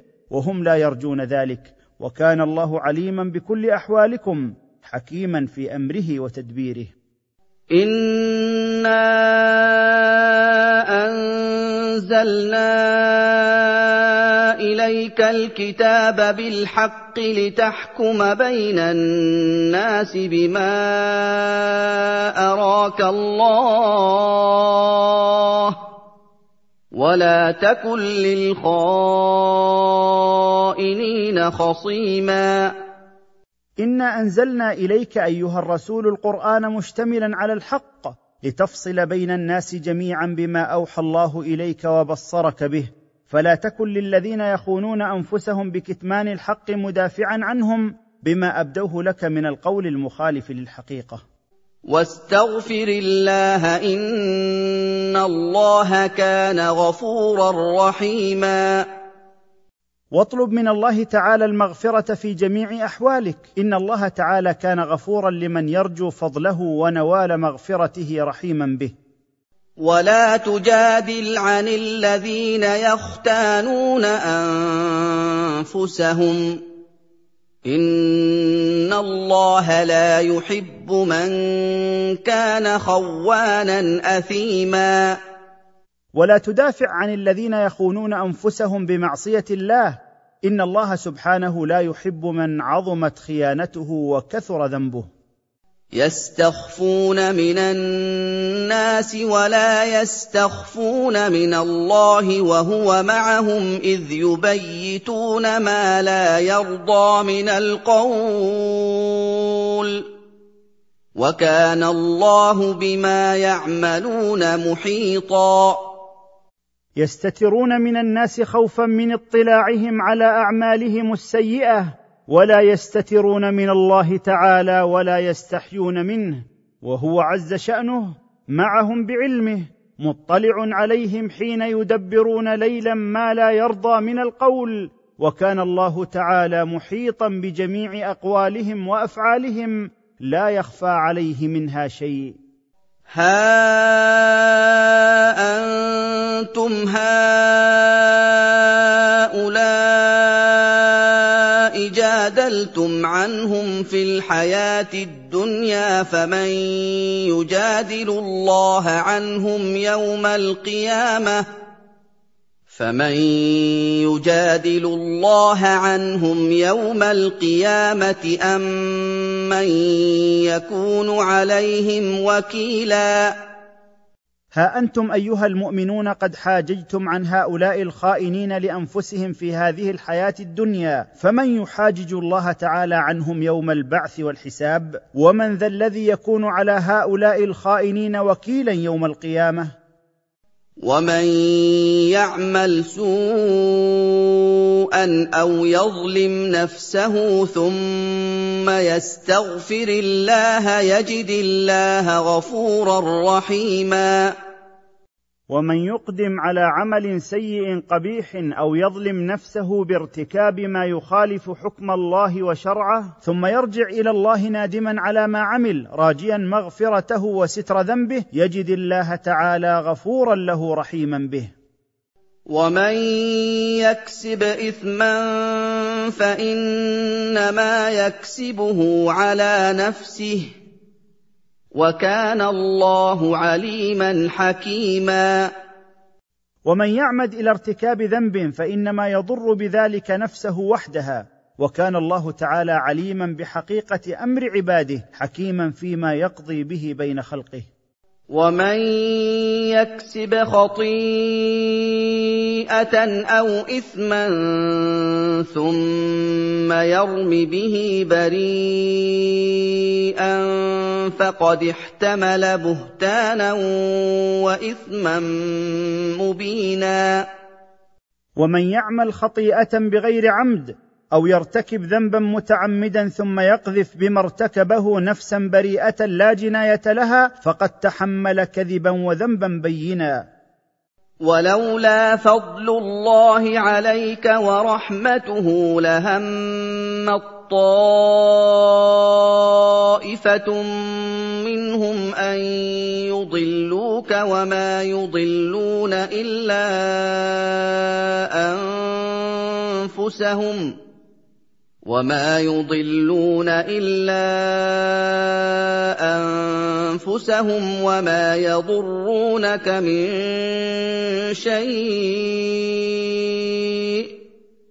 وانزل الله عليك الكتاب والحكمه وعلمك ما لم تكن تعلم وكان فضل الله عليك عظيما ولولا أن الله تعالى قد من عليك أيها الرسول ورحمك بنعمة النبوة فعصمك بتوفيقه بما أوحى إليك لعزمت جماعة من الذين يخونون أنفسهم أن يزلوك عن طريق الحق وما يزلون بذلك إلا أنفسهم وما يقدرون على إيذائك لعصمة الله لك وأنزل الله عليك القرآن والسنة المبينة له وهداك إلى علم ما لم تكن تعلمه من قبل وكان ما خصك الله به من فضل امرا عظيما.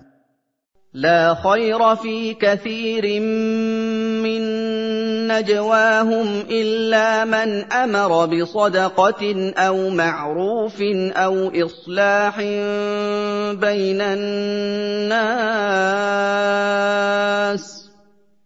ومن يفعل ذلك ابتغاء مرضات الله فسوف نؤتيه اجرا عظيما. لا نفع في كثير من كلام الناس سرا فيما بينهم إلا إذا كان حديثا داعيا إلى بذل المعروف من الصدقة أو الكلمة الطيبة أو التوفيق بين الناس. ومن يفعل تلك الأمور طلبا لرضا الله تعالى راجيا ثوابه فسوف نؤتيه ثوابا جزيلا واسعا. ومن يشاقق الرسول من بعد ما تبين له الهدى ويتبع غير سبيل المؤمنين نوله ما تولى ونصله جهنم. نوله ما تولى ونصله جهنم وساءت مصيرا.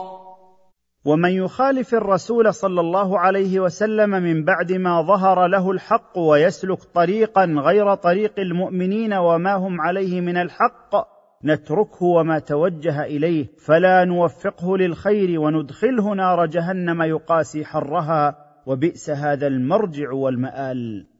إن الله لا يغفر أن يشرك به ويغفر ما دون ذلك لمن يشاء. ومن يشرك بالله فقد ضل ضلالا بعيدا. إن الله تعالى لا يغفر أن يشرك به ويغفر ما دون الشرك من الذنوب لمن يشاء من عباده ومن يجعل لله تعالى الواحد الأحد شريكا من خلقه فقد بعد عن الحق بعدا كبيرا. إن يدعون من دونه إلا إناثا وإن يدعون إلا شيطانا مريدا. ما يعبد المشركون من دون الله تعالى إلا أوثانا لا تنفع ولا تضر وما يعبدون إلا شيطانا متمردا على الله بلغ في الفساد والإفساد حدا كبيرا. لعنه الله. وقال لأتخذن من عبادك نصيبا مفروضا. طرده الله تعالى من رحمته. وقال الشيطان لأتخذن من عبادك جزءا معلوما في إغوائهم قولا وعملا. ولأضلنهم ولأمنينهم ولآمرنهم فليبتكن آذان الأنعام ولآمرنهم فليغيرن خلق الله ومن يتخذ الشيطان وليا من دون الله فقد خسر خسرانا مبينا ولاصرفن من تبعني منهم عن الحق ولاعدنهم بالامان الكاذبه ولادعونهم إلى تقطيع اذان الانعام وتشقيقها لما أزينه لهم من الباطل ولأدعونهم إلى تغيير خلق الله في الفطرة وهيئة ما عليه الخلق.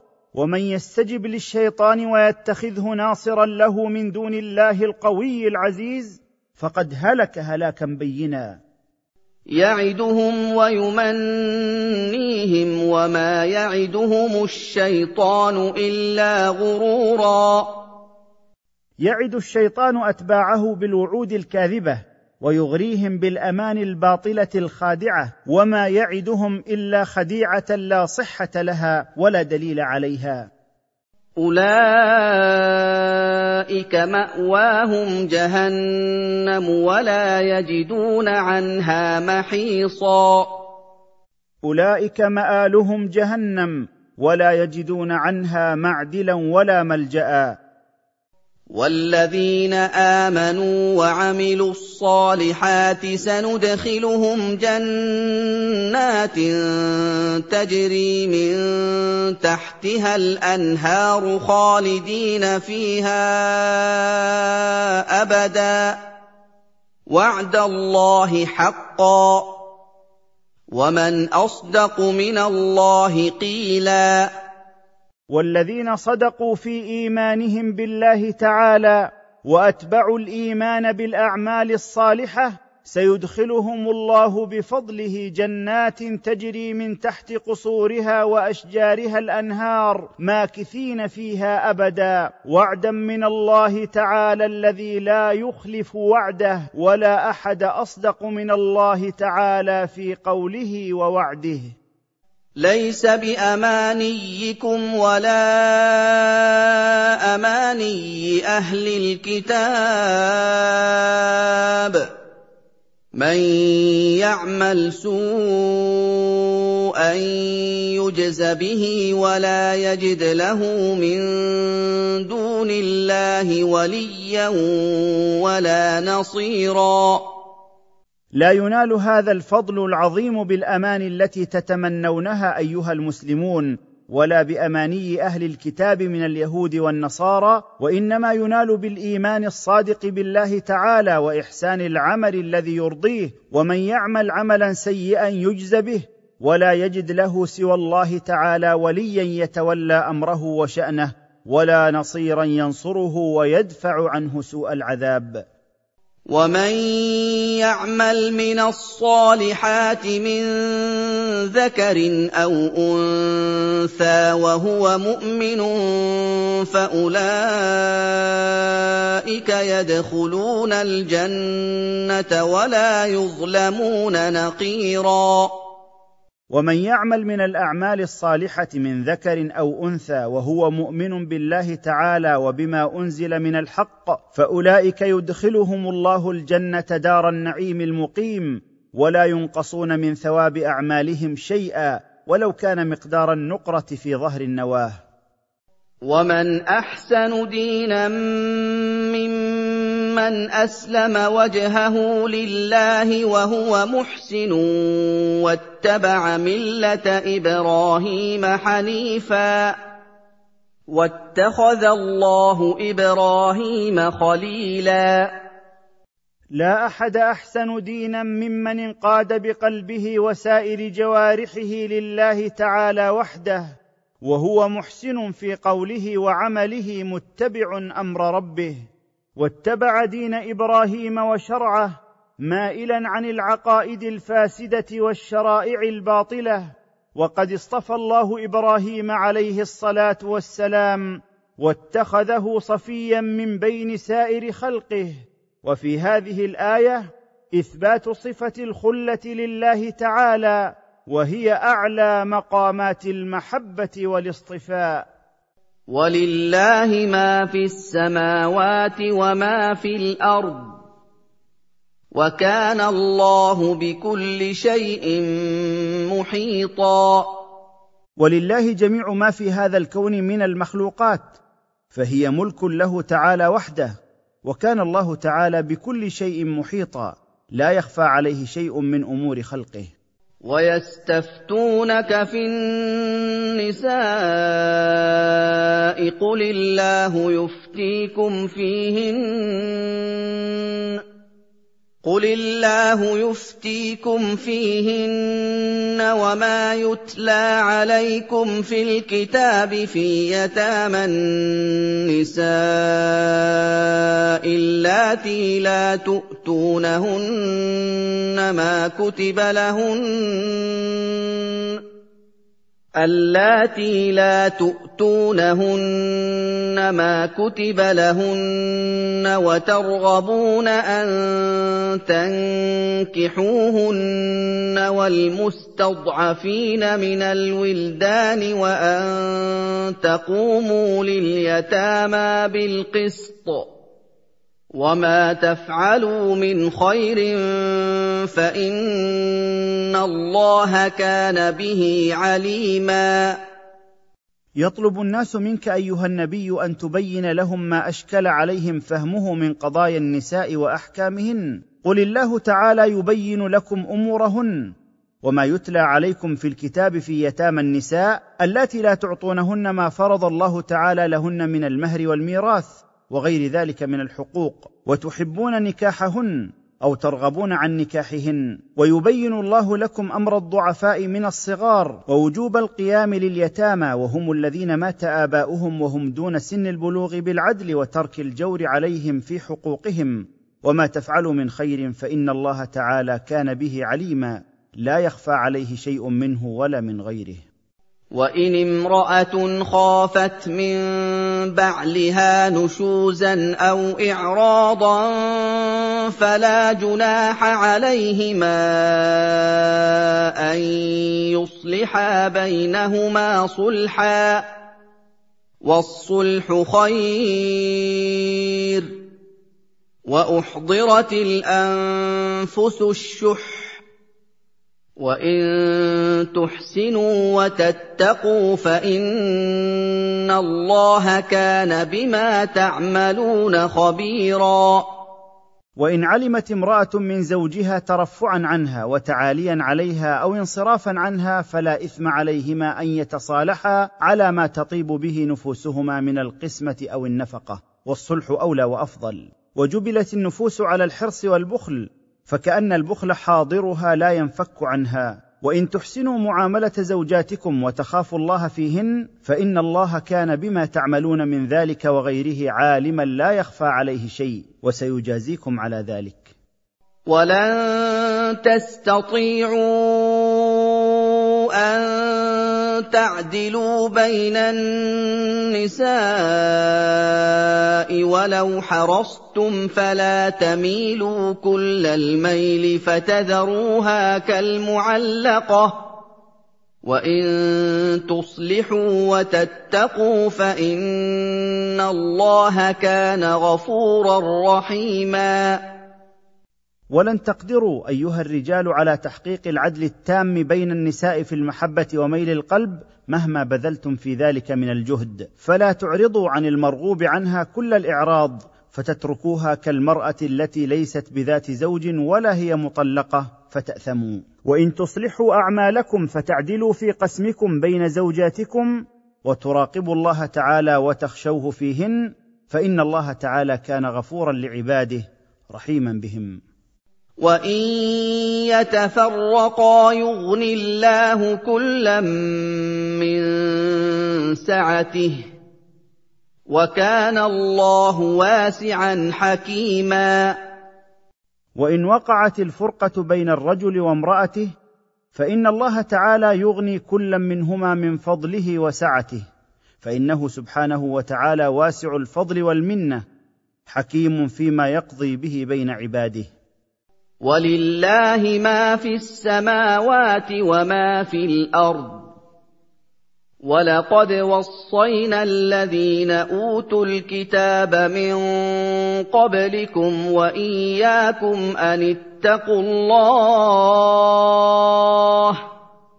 وإن تكفروا فإن لله ما في السماوات وما في الأرض.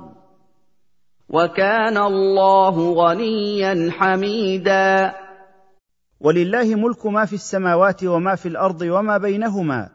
ولقد عهدنا إلى الذين أعطوا الكتاب من قبلكم من اليهود والنصارى وعهدنا إليكم كذلك يا أمة محمد بتقوى الله تعالى والقيام بأمره واجتناب نهيه وبينا لكم أنكم إن تجحدوا وحدانية الله تعالى وشرعه فإنه سبحانه غني عنكم لأن له جميع ما في السماوات وما في الأرض وكان الله غنيا عن خلقه حميدا في صفاته وأفعاله. ولله ما في السماوات وما في الأرض وكفى بالله وكيلا. ولله ملك ما في هذا الكون من الكائنات وكفى به سبحانه قائما بشؤون خلقه حافظا لها.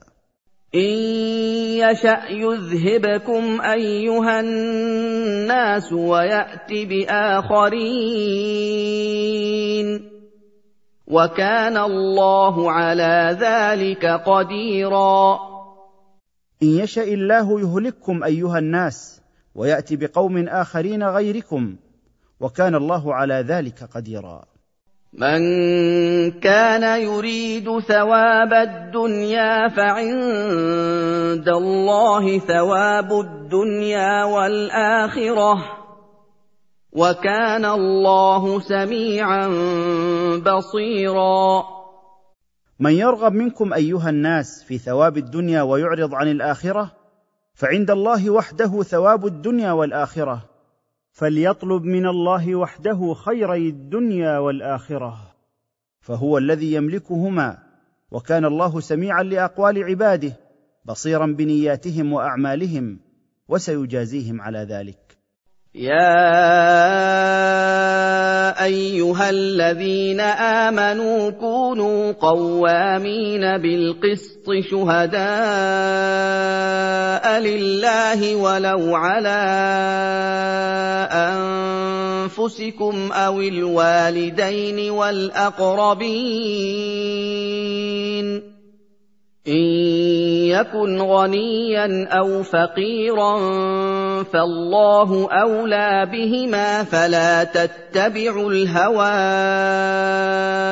أن تعدلوا وإن تلووا أو تعرضوا فإن الله كان بما تعملون خبيرا يا أيها الذين صدقوا الله ورسوله وعملوا بشرعه كونوا قائمين بالعدل مؤدين للشهادة لوجه الله تعالى ولو كانت على أنفسكم أو على آبائكم وأمهاتكم أو على أقاربكم مهما كان شأن المشهود عليه غنيا أو فقيرا.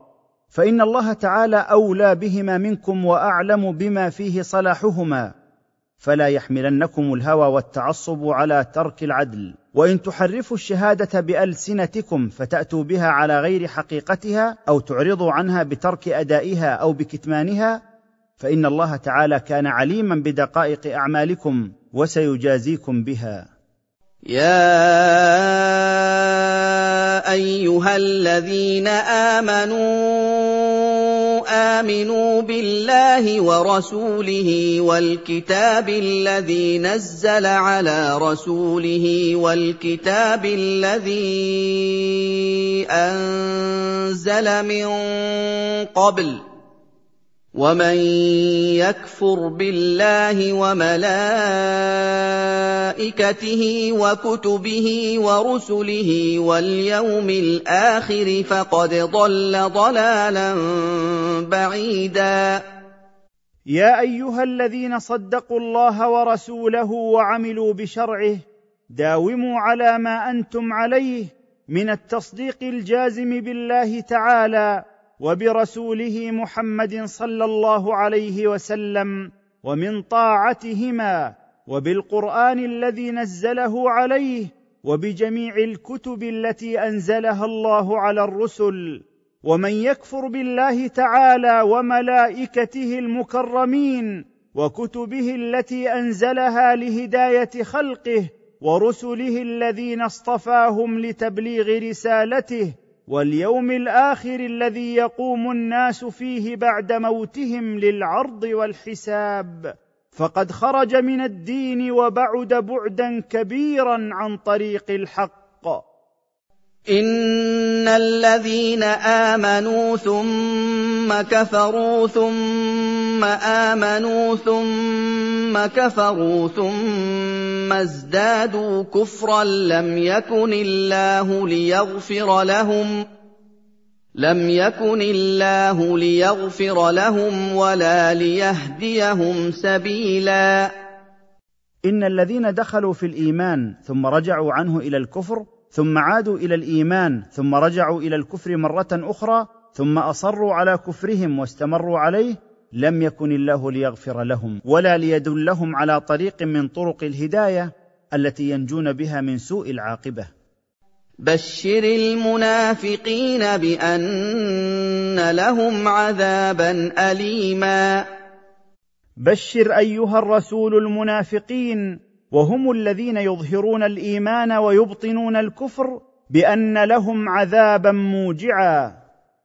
الذين يتخذون الكافرين أولياء من دون المؤمنين أيبتغون عندهم العزة فإن العزة لله جميعا. الذين يوالون الكافرين ويتخذونهم أعوانا لهم ويتركون ولاية المؤمنين ولا يرغبون في مودتهم أيطلبون بذلك النصرة والمنعة عند الكافرين؟ إنهم لا يملكون ذلك فالنصرة والعزة والقوة جميعها لله تعالى وحده. وقد نزل عليكم في الكتاب أن إذا سمعتم آيات الله يكفر بها ويستهزأ بها فلا تقعدوا معهم فلا تقعدوا معهم حتى يخوضوا في حديث غيره إنكم إذا مثلهم ان الله جامع المنافقين والكافرين في جهنم جميعا. وقد نزل ربكم عليكم ايها المؤمنون في كتابه انه اذا سمعتم الكفر بايات الله والاستهزاء بها فلا تجلسوا مع الكافرين والمستهزئين الا اذا اخذوا في حديث غير حديث الكفر والاستهزاء بايات الله. إنكم إذا جالستموهم وهم على ما هم عليه فأنتم مثلهم لأنكم رضيتم بكفرهم واستهزائهم والراضي بالمعصية كالفاعل لها. إن الله تعالى جامع المنافقين والكافرين في نار جهنم جميعا يلقون فيها سوء العذاب. الذين يتربصون بكم فإن كان لكم فتح من الله قالوا ألم نكن معكم وإن كان للكافرين نصيب قالوا وان كان للكافرين نصيب قالوا الم نستحوذ عليكم ونمنعكم من المؤمنين فالله يحكم بينكم يوم القيامه ولن يجعل الله للكافرين على المؤمنين سبيلا. المنافقون هم الذين ينتظرون ما يحل بكم أيها المؤمنون من الفتن والحرب فإن من الله عليكم بفضله ونصركم على عدوكم وغنمتم قالوا لكم ألم نكن معكم نؤازركم؟ وإن كان للجاحدين لهذا الدين قدر من النصر والغنيمة قالوا لهم ألم نساعدكم بما قدمناه لكم ونحمكم من المؤمنين؟ فالله تعالى يقضي بينكم وبينهم يوم القيامة ولن يجعل الله للكافرين طريقا للغلبة على عباده الصالحين. فالعاقبة للمتقين في الدنيا والآخرة. ان المنافقين يخادعون الله وهو خادعهم واذا قاموا إلى الصلاه قاموا كسى لا يراءون الناس يراءون الناس ولا يذكرون الله الا قليلا إن طريقة هؤلاء المنافقين مخادعة الله تعالى بما يظهرونه من الإيمان وما يبطنونه من الكفر ظنا أنه يخفى على الله والحال أن الله خادعهم ومجازيهم بمثل عملهم وإذا قام هؤلاء المنافقون لأداء الصلاة قاموا إليها في فتور يقصدون بصلاتهم الرياء والسمعة ولا يذكرون الله تعالى إلا ذكرا قليلا. مذبذبين بين ذلك لا إله هؤلاء ولا إله هؤلاء. ومن يضلل الله فلن تجد له سبيلاً. إن من شأن هؤلاء المنافقين التردد والحيرة والاضطراب لا يستقرون على حال فلا هم مع المؤمنين ولا هم مع الكافرين. ومن يصرف الله قلبه عن الإيمان به والاستمساك بهديه فلن تجد له طريقا إلى الهداية واليقين. يا ايها الذين امنوا لا تتخذوا الكافرين اولياء من دون المؤمنين اتريدون ان تجعلوا لله عليكم سلطانا مبينا يا أيها الذين صدقوا الله ورسوله وعملوا بشرعه لا توالوا الجاحدين لدين الله وتتركوا موالاه المؤمنين ومودتهم. أتريدون بمودة أعدائكم أن تجعلوا لله تعالى عليكم حجة ظاهرة على عدم صدقكم في إيمانكم؟ إن المنافقين في الدرك الأسفل من النار ولن تجد لهم نصيرا. إن المنافقين في أسفل منازل النار يوم القيامة ولن تجد لهم أيها الرسول ناصرا يدفع عنهم سوء هذا المصير. إلا الذين تابوا وأصلحوا واعتصموا بالله وأخلصوا دينهم لله فأولئك مع المؤمنين. فاولئك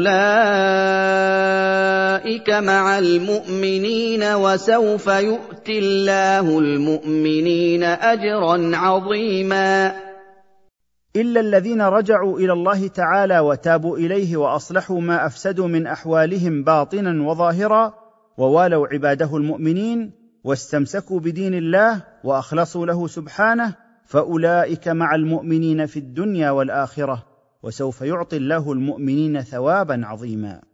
ما يفعل الله بعذابكم إن شكرتم وآمنتم وكان الله شاكرا عليما.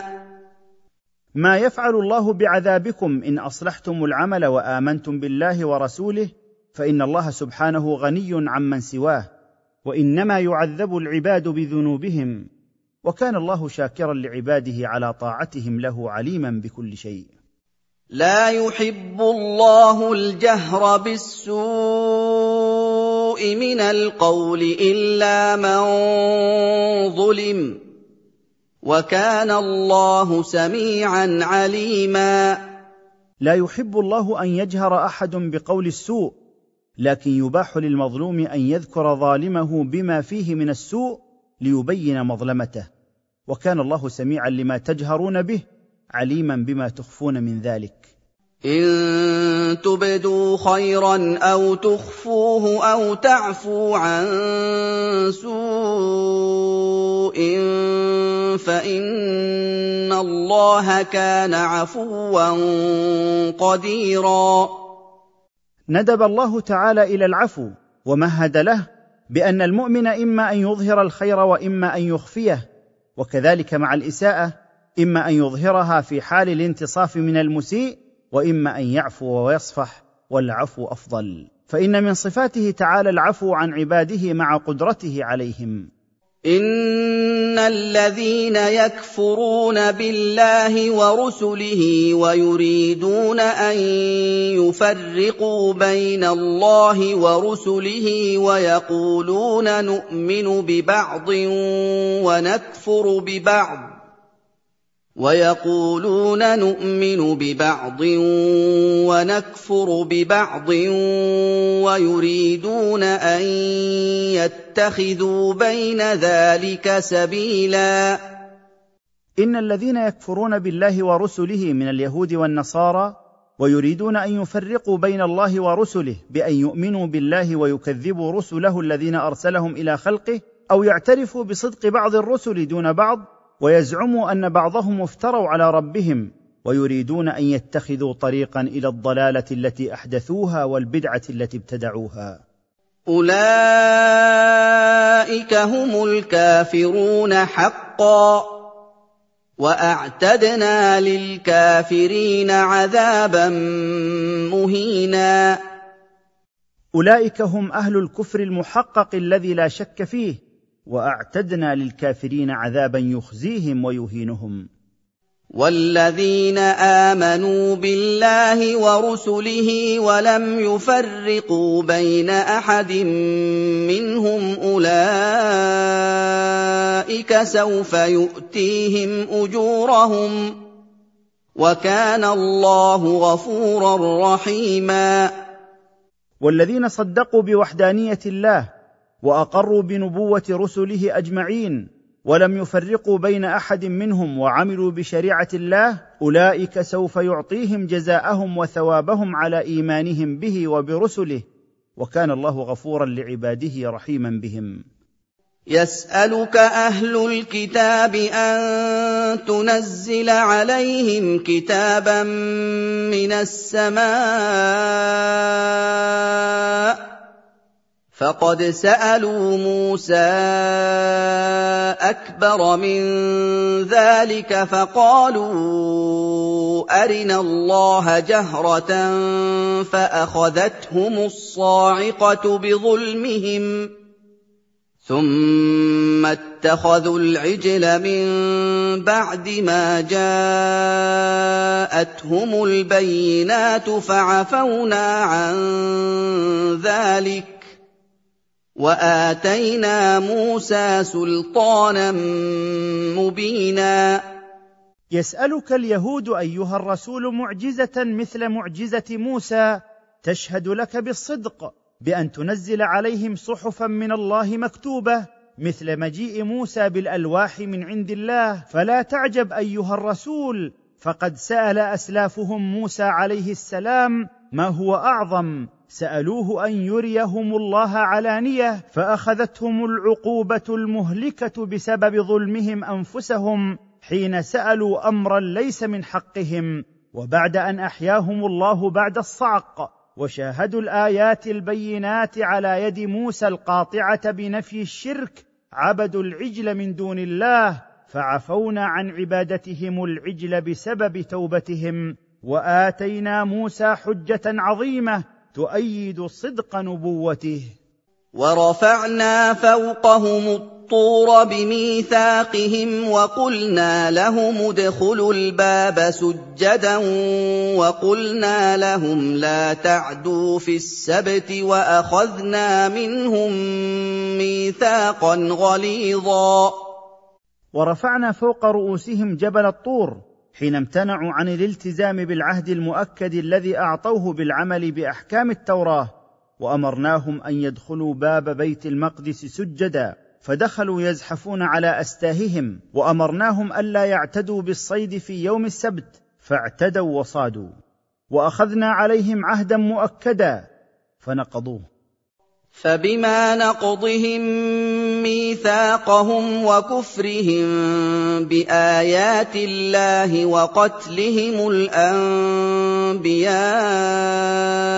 بغير حق وقولهم قلوبنا غلف بل طبع الله عليها بكفرهم فلا يؤمنون إلا قليلا فلعناهم بسبب نقضهم للعهود وكفرهم بآيات الله الدالة على صدق رسله وقتلهم للأنبياء ظلما واعتداء وقولهم قلوبنا عليها أغطية فلا تفقه ما تقول بل طمس الله عليها بسبب كفرهم فلا يؤمنون إلا إيمانا قليلا لا ينفعهم وبكفرهم وقولهم على مريم بهتانا عظيما وكذلك لعناهم بسبب كفرهم وافترائهم على مريم بما نسبوه إليها من الزنا وهي بريئة منه. وقولهم إنا قتلنا المسيح عيسى ابن مريم رسول الله وما قتلوه وما صلبوه ولكن شبه لهم. وان الذين اختلفوا فيه لفي شك منه ما لهم به من علم الا اتباع الظن وما قتلوه يقينا وبسبب قولهم على سبيل التهكم والاستهزاء انا قتلنا المسيح عيسى ابن مريم رسول الله وما قتلوا عيسى وما صلبوه بل صلبوا رجلا شبيها به ظنا منهم أنه عيسى ومن ادعى قتله من اليهود وكذلك من أسلمه إليهم من النصارى. كلهم واقعون في شك وحيرة لا علم لديهم إلا اتباع الظن وما قتلوه متيقنين بل شاكين متوهمين. بل رفعه الله إليه وكان الله عزيزا حكيما. بل رفع الله عيسى إليه ببدنه وروحه حيا وخلصه من الذين كفروا وكان الله عزيزا في ملكه حكيما في تدبيره وقضائه. وان من أهل الكتاب الا ليؤمنن به قبل موته ويوم القيامه يكون عليهم شهيدا وإنه لا يبقى أحد من أهل الكتاب بعد نزول عيسى آخر الزمان إلا آمن به قبل موته عليه السلام. ويوم القيامة يكون عيسى عليه السلام شهيدا بتكذيب من كذبه وتصديق من صدقه. فبظلم من الذين هادوا حرمنا عليهم طيبات أحلت لهم وبصدهم عن سبيل الله كثيرا. فبسبب ظلم اليهود بما ارتكبوه من الذنوب العظيمة حرم الله عليهم طيبات من المآكل كانت حلالا لهم وبسبب صدهم أنفسهم وغيرهم عن دين الله القويم. وأخذهم الربا وقد نهوا عنه وأكلهم أموال الناس بالباطل وأعتدنا للكافرين منهم عذابا أليما. وبسبب تناولهم الربا الذي نهوا عنه واستحلالهم أموال الناس بغير استحقاق وأعتدنا للكافرين بالله ورسوله من هؤلاء اليهود عذابا موجعا في الآخرة. لكن الراسخون في العلم منهم والمؤمنون يؤمنون بما أنزل إليك وما أنزل من قبلك والمقيمين الصلاة والمقيمين الصلاة والمؤتون الزكاة والمؤمنون بالله واليوم الآخر أولئك سنؤتيهم أجرا عظيما. لكن المتمكنون في العلم بأحكام الله من اليهود والمؤمنون بالله ورسوله يؤمنون بالذي أنزله الله إليك أيها الرسول وهو القرآن وبالذي أنزل إلى الرسل من قبلك كالتوراة والإنجيل ويؤدون الصلاة في أوقاتها ويخرجون زكاة أموالهم ويؤمنون بالله وبالبعث والجزاء. أولئك سيعطيهم الله ثوابا عظيما وهو الجنة. إنا أوحينا إليك كما أوحينا إلى نوح والنبيين من بعده وأوحينا إلى إبراهيم وإسماعيل وإسحاق ويعقوب والأسباط وعيسى وأيوب ويونس وهارون وسليمان وآتينا داود زبورا انا أوحينا إليك أيها الرسول بتبليغ الرسالة كما أوحينا إلى نوح والنبيين من بعده وأوحينا إلى إبراهيم وإسماعيل وإسحاق ويعقوب والأسباط وهم الأنبياء من ولد يعقوب الذين كانوا في قبائل بني إسرائيل الاثنتي عشرة وعيسى وأيوب ويونس وهارون وسليمان وآتينا داود زبورا وهو كتاب وصحف مكتوبة. ورسلا قد قصصناهم عليك من قبل ورسلا لم نقصصهم عليك. وكلم الله موسى تكليما.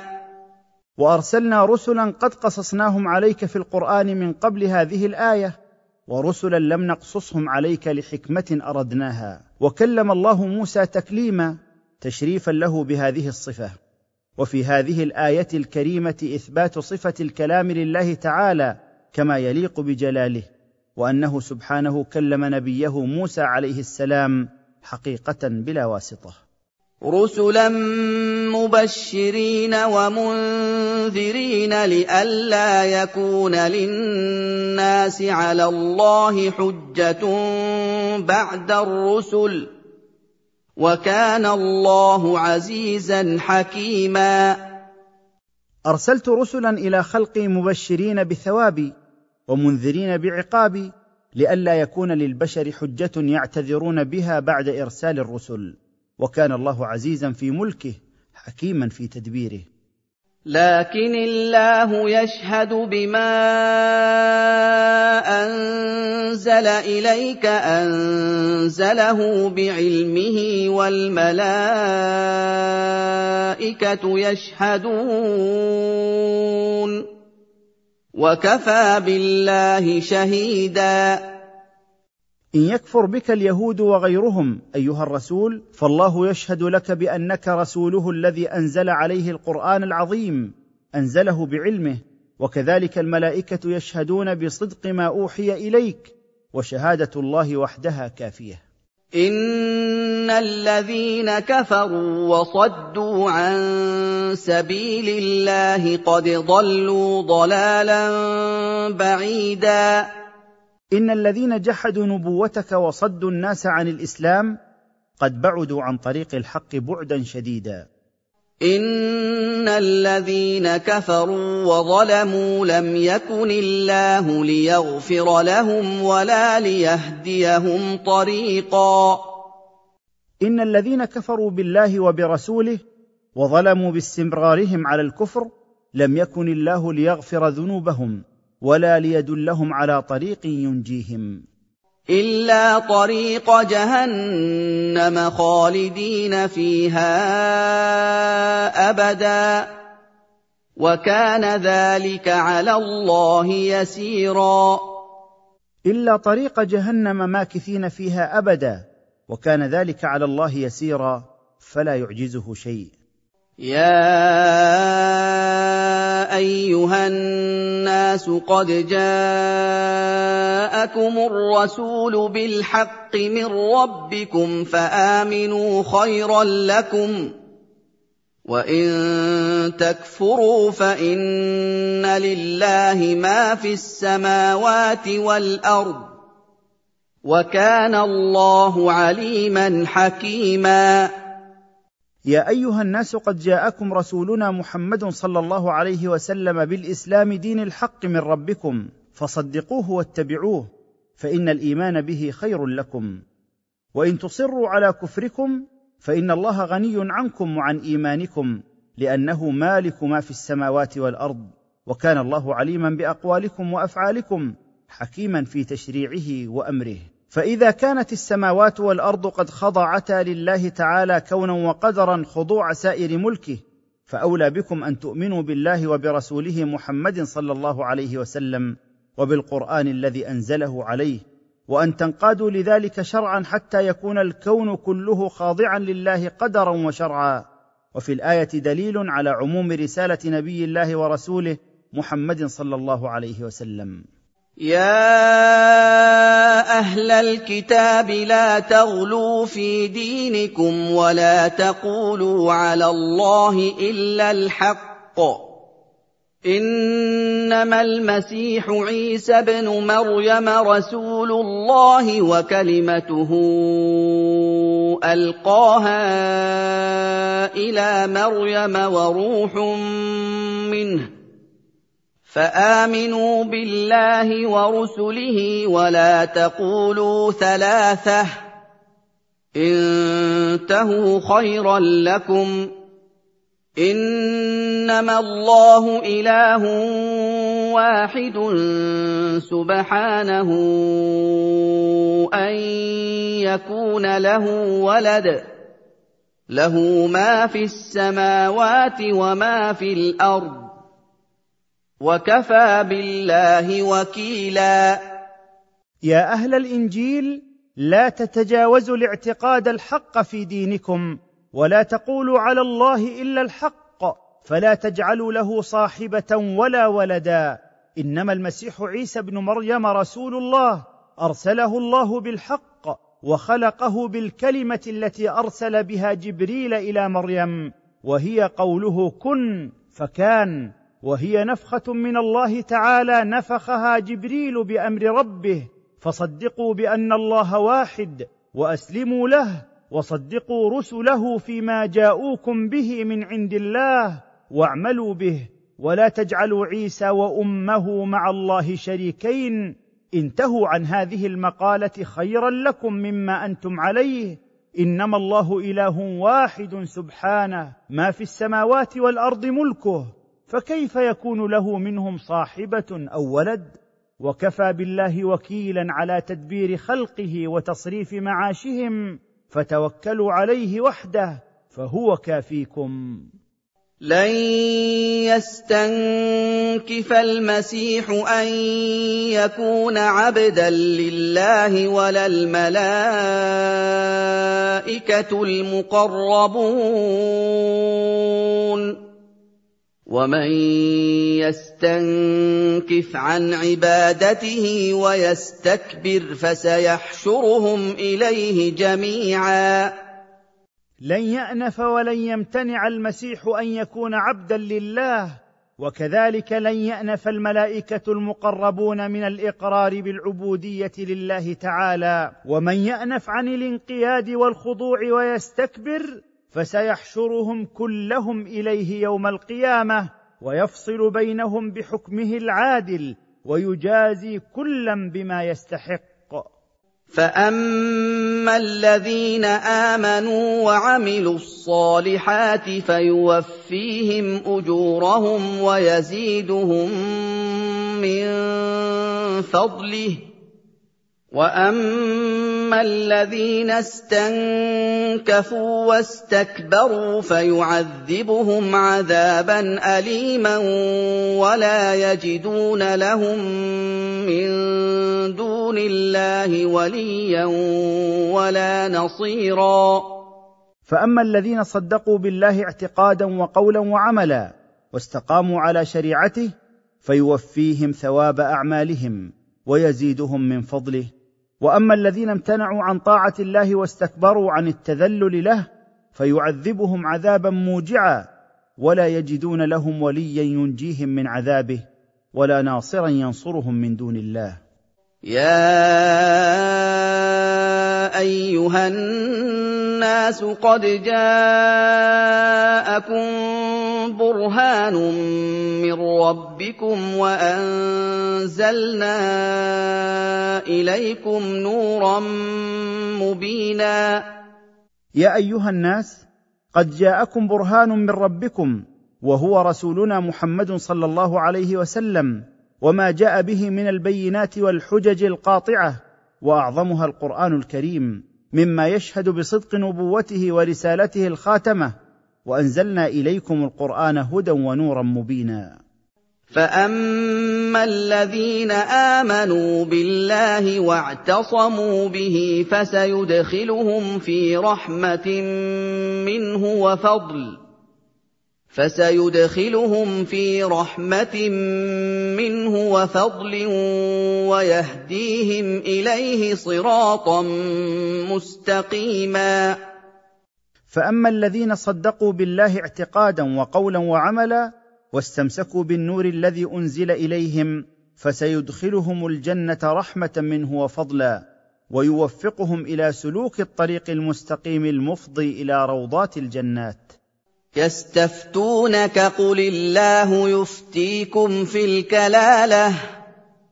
إن امرؤ هلك ليس له ولد وله أخت فلها نصف ما ترك وهو يرثها إن لم يكن لها ولد فإن كانتا اثنتين فلهما الثلثان مما ترك وان كانوا اخوه رجالا ونساء فللذكر مثل حظ الانثيين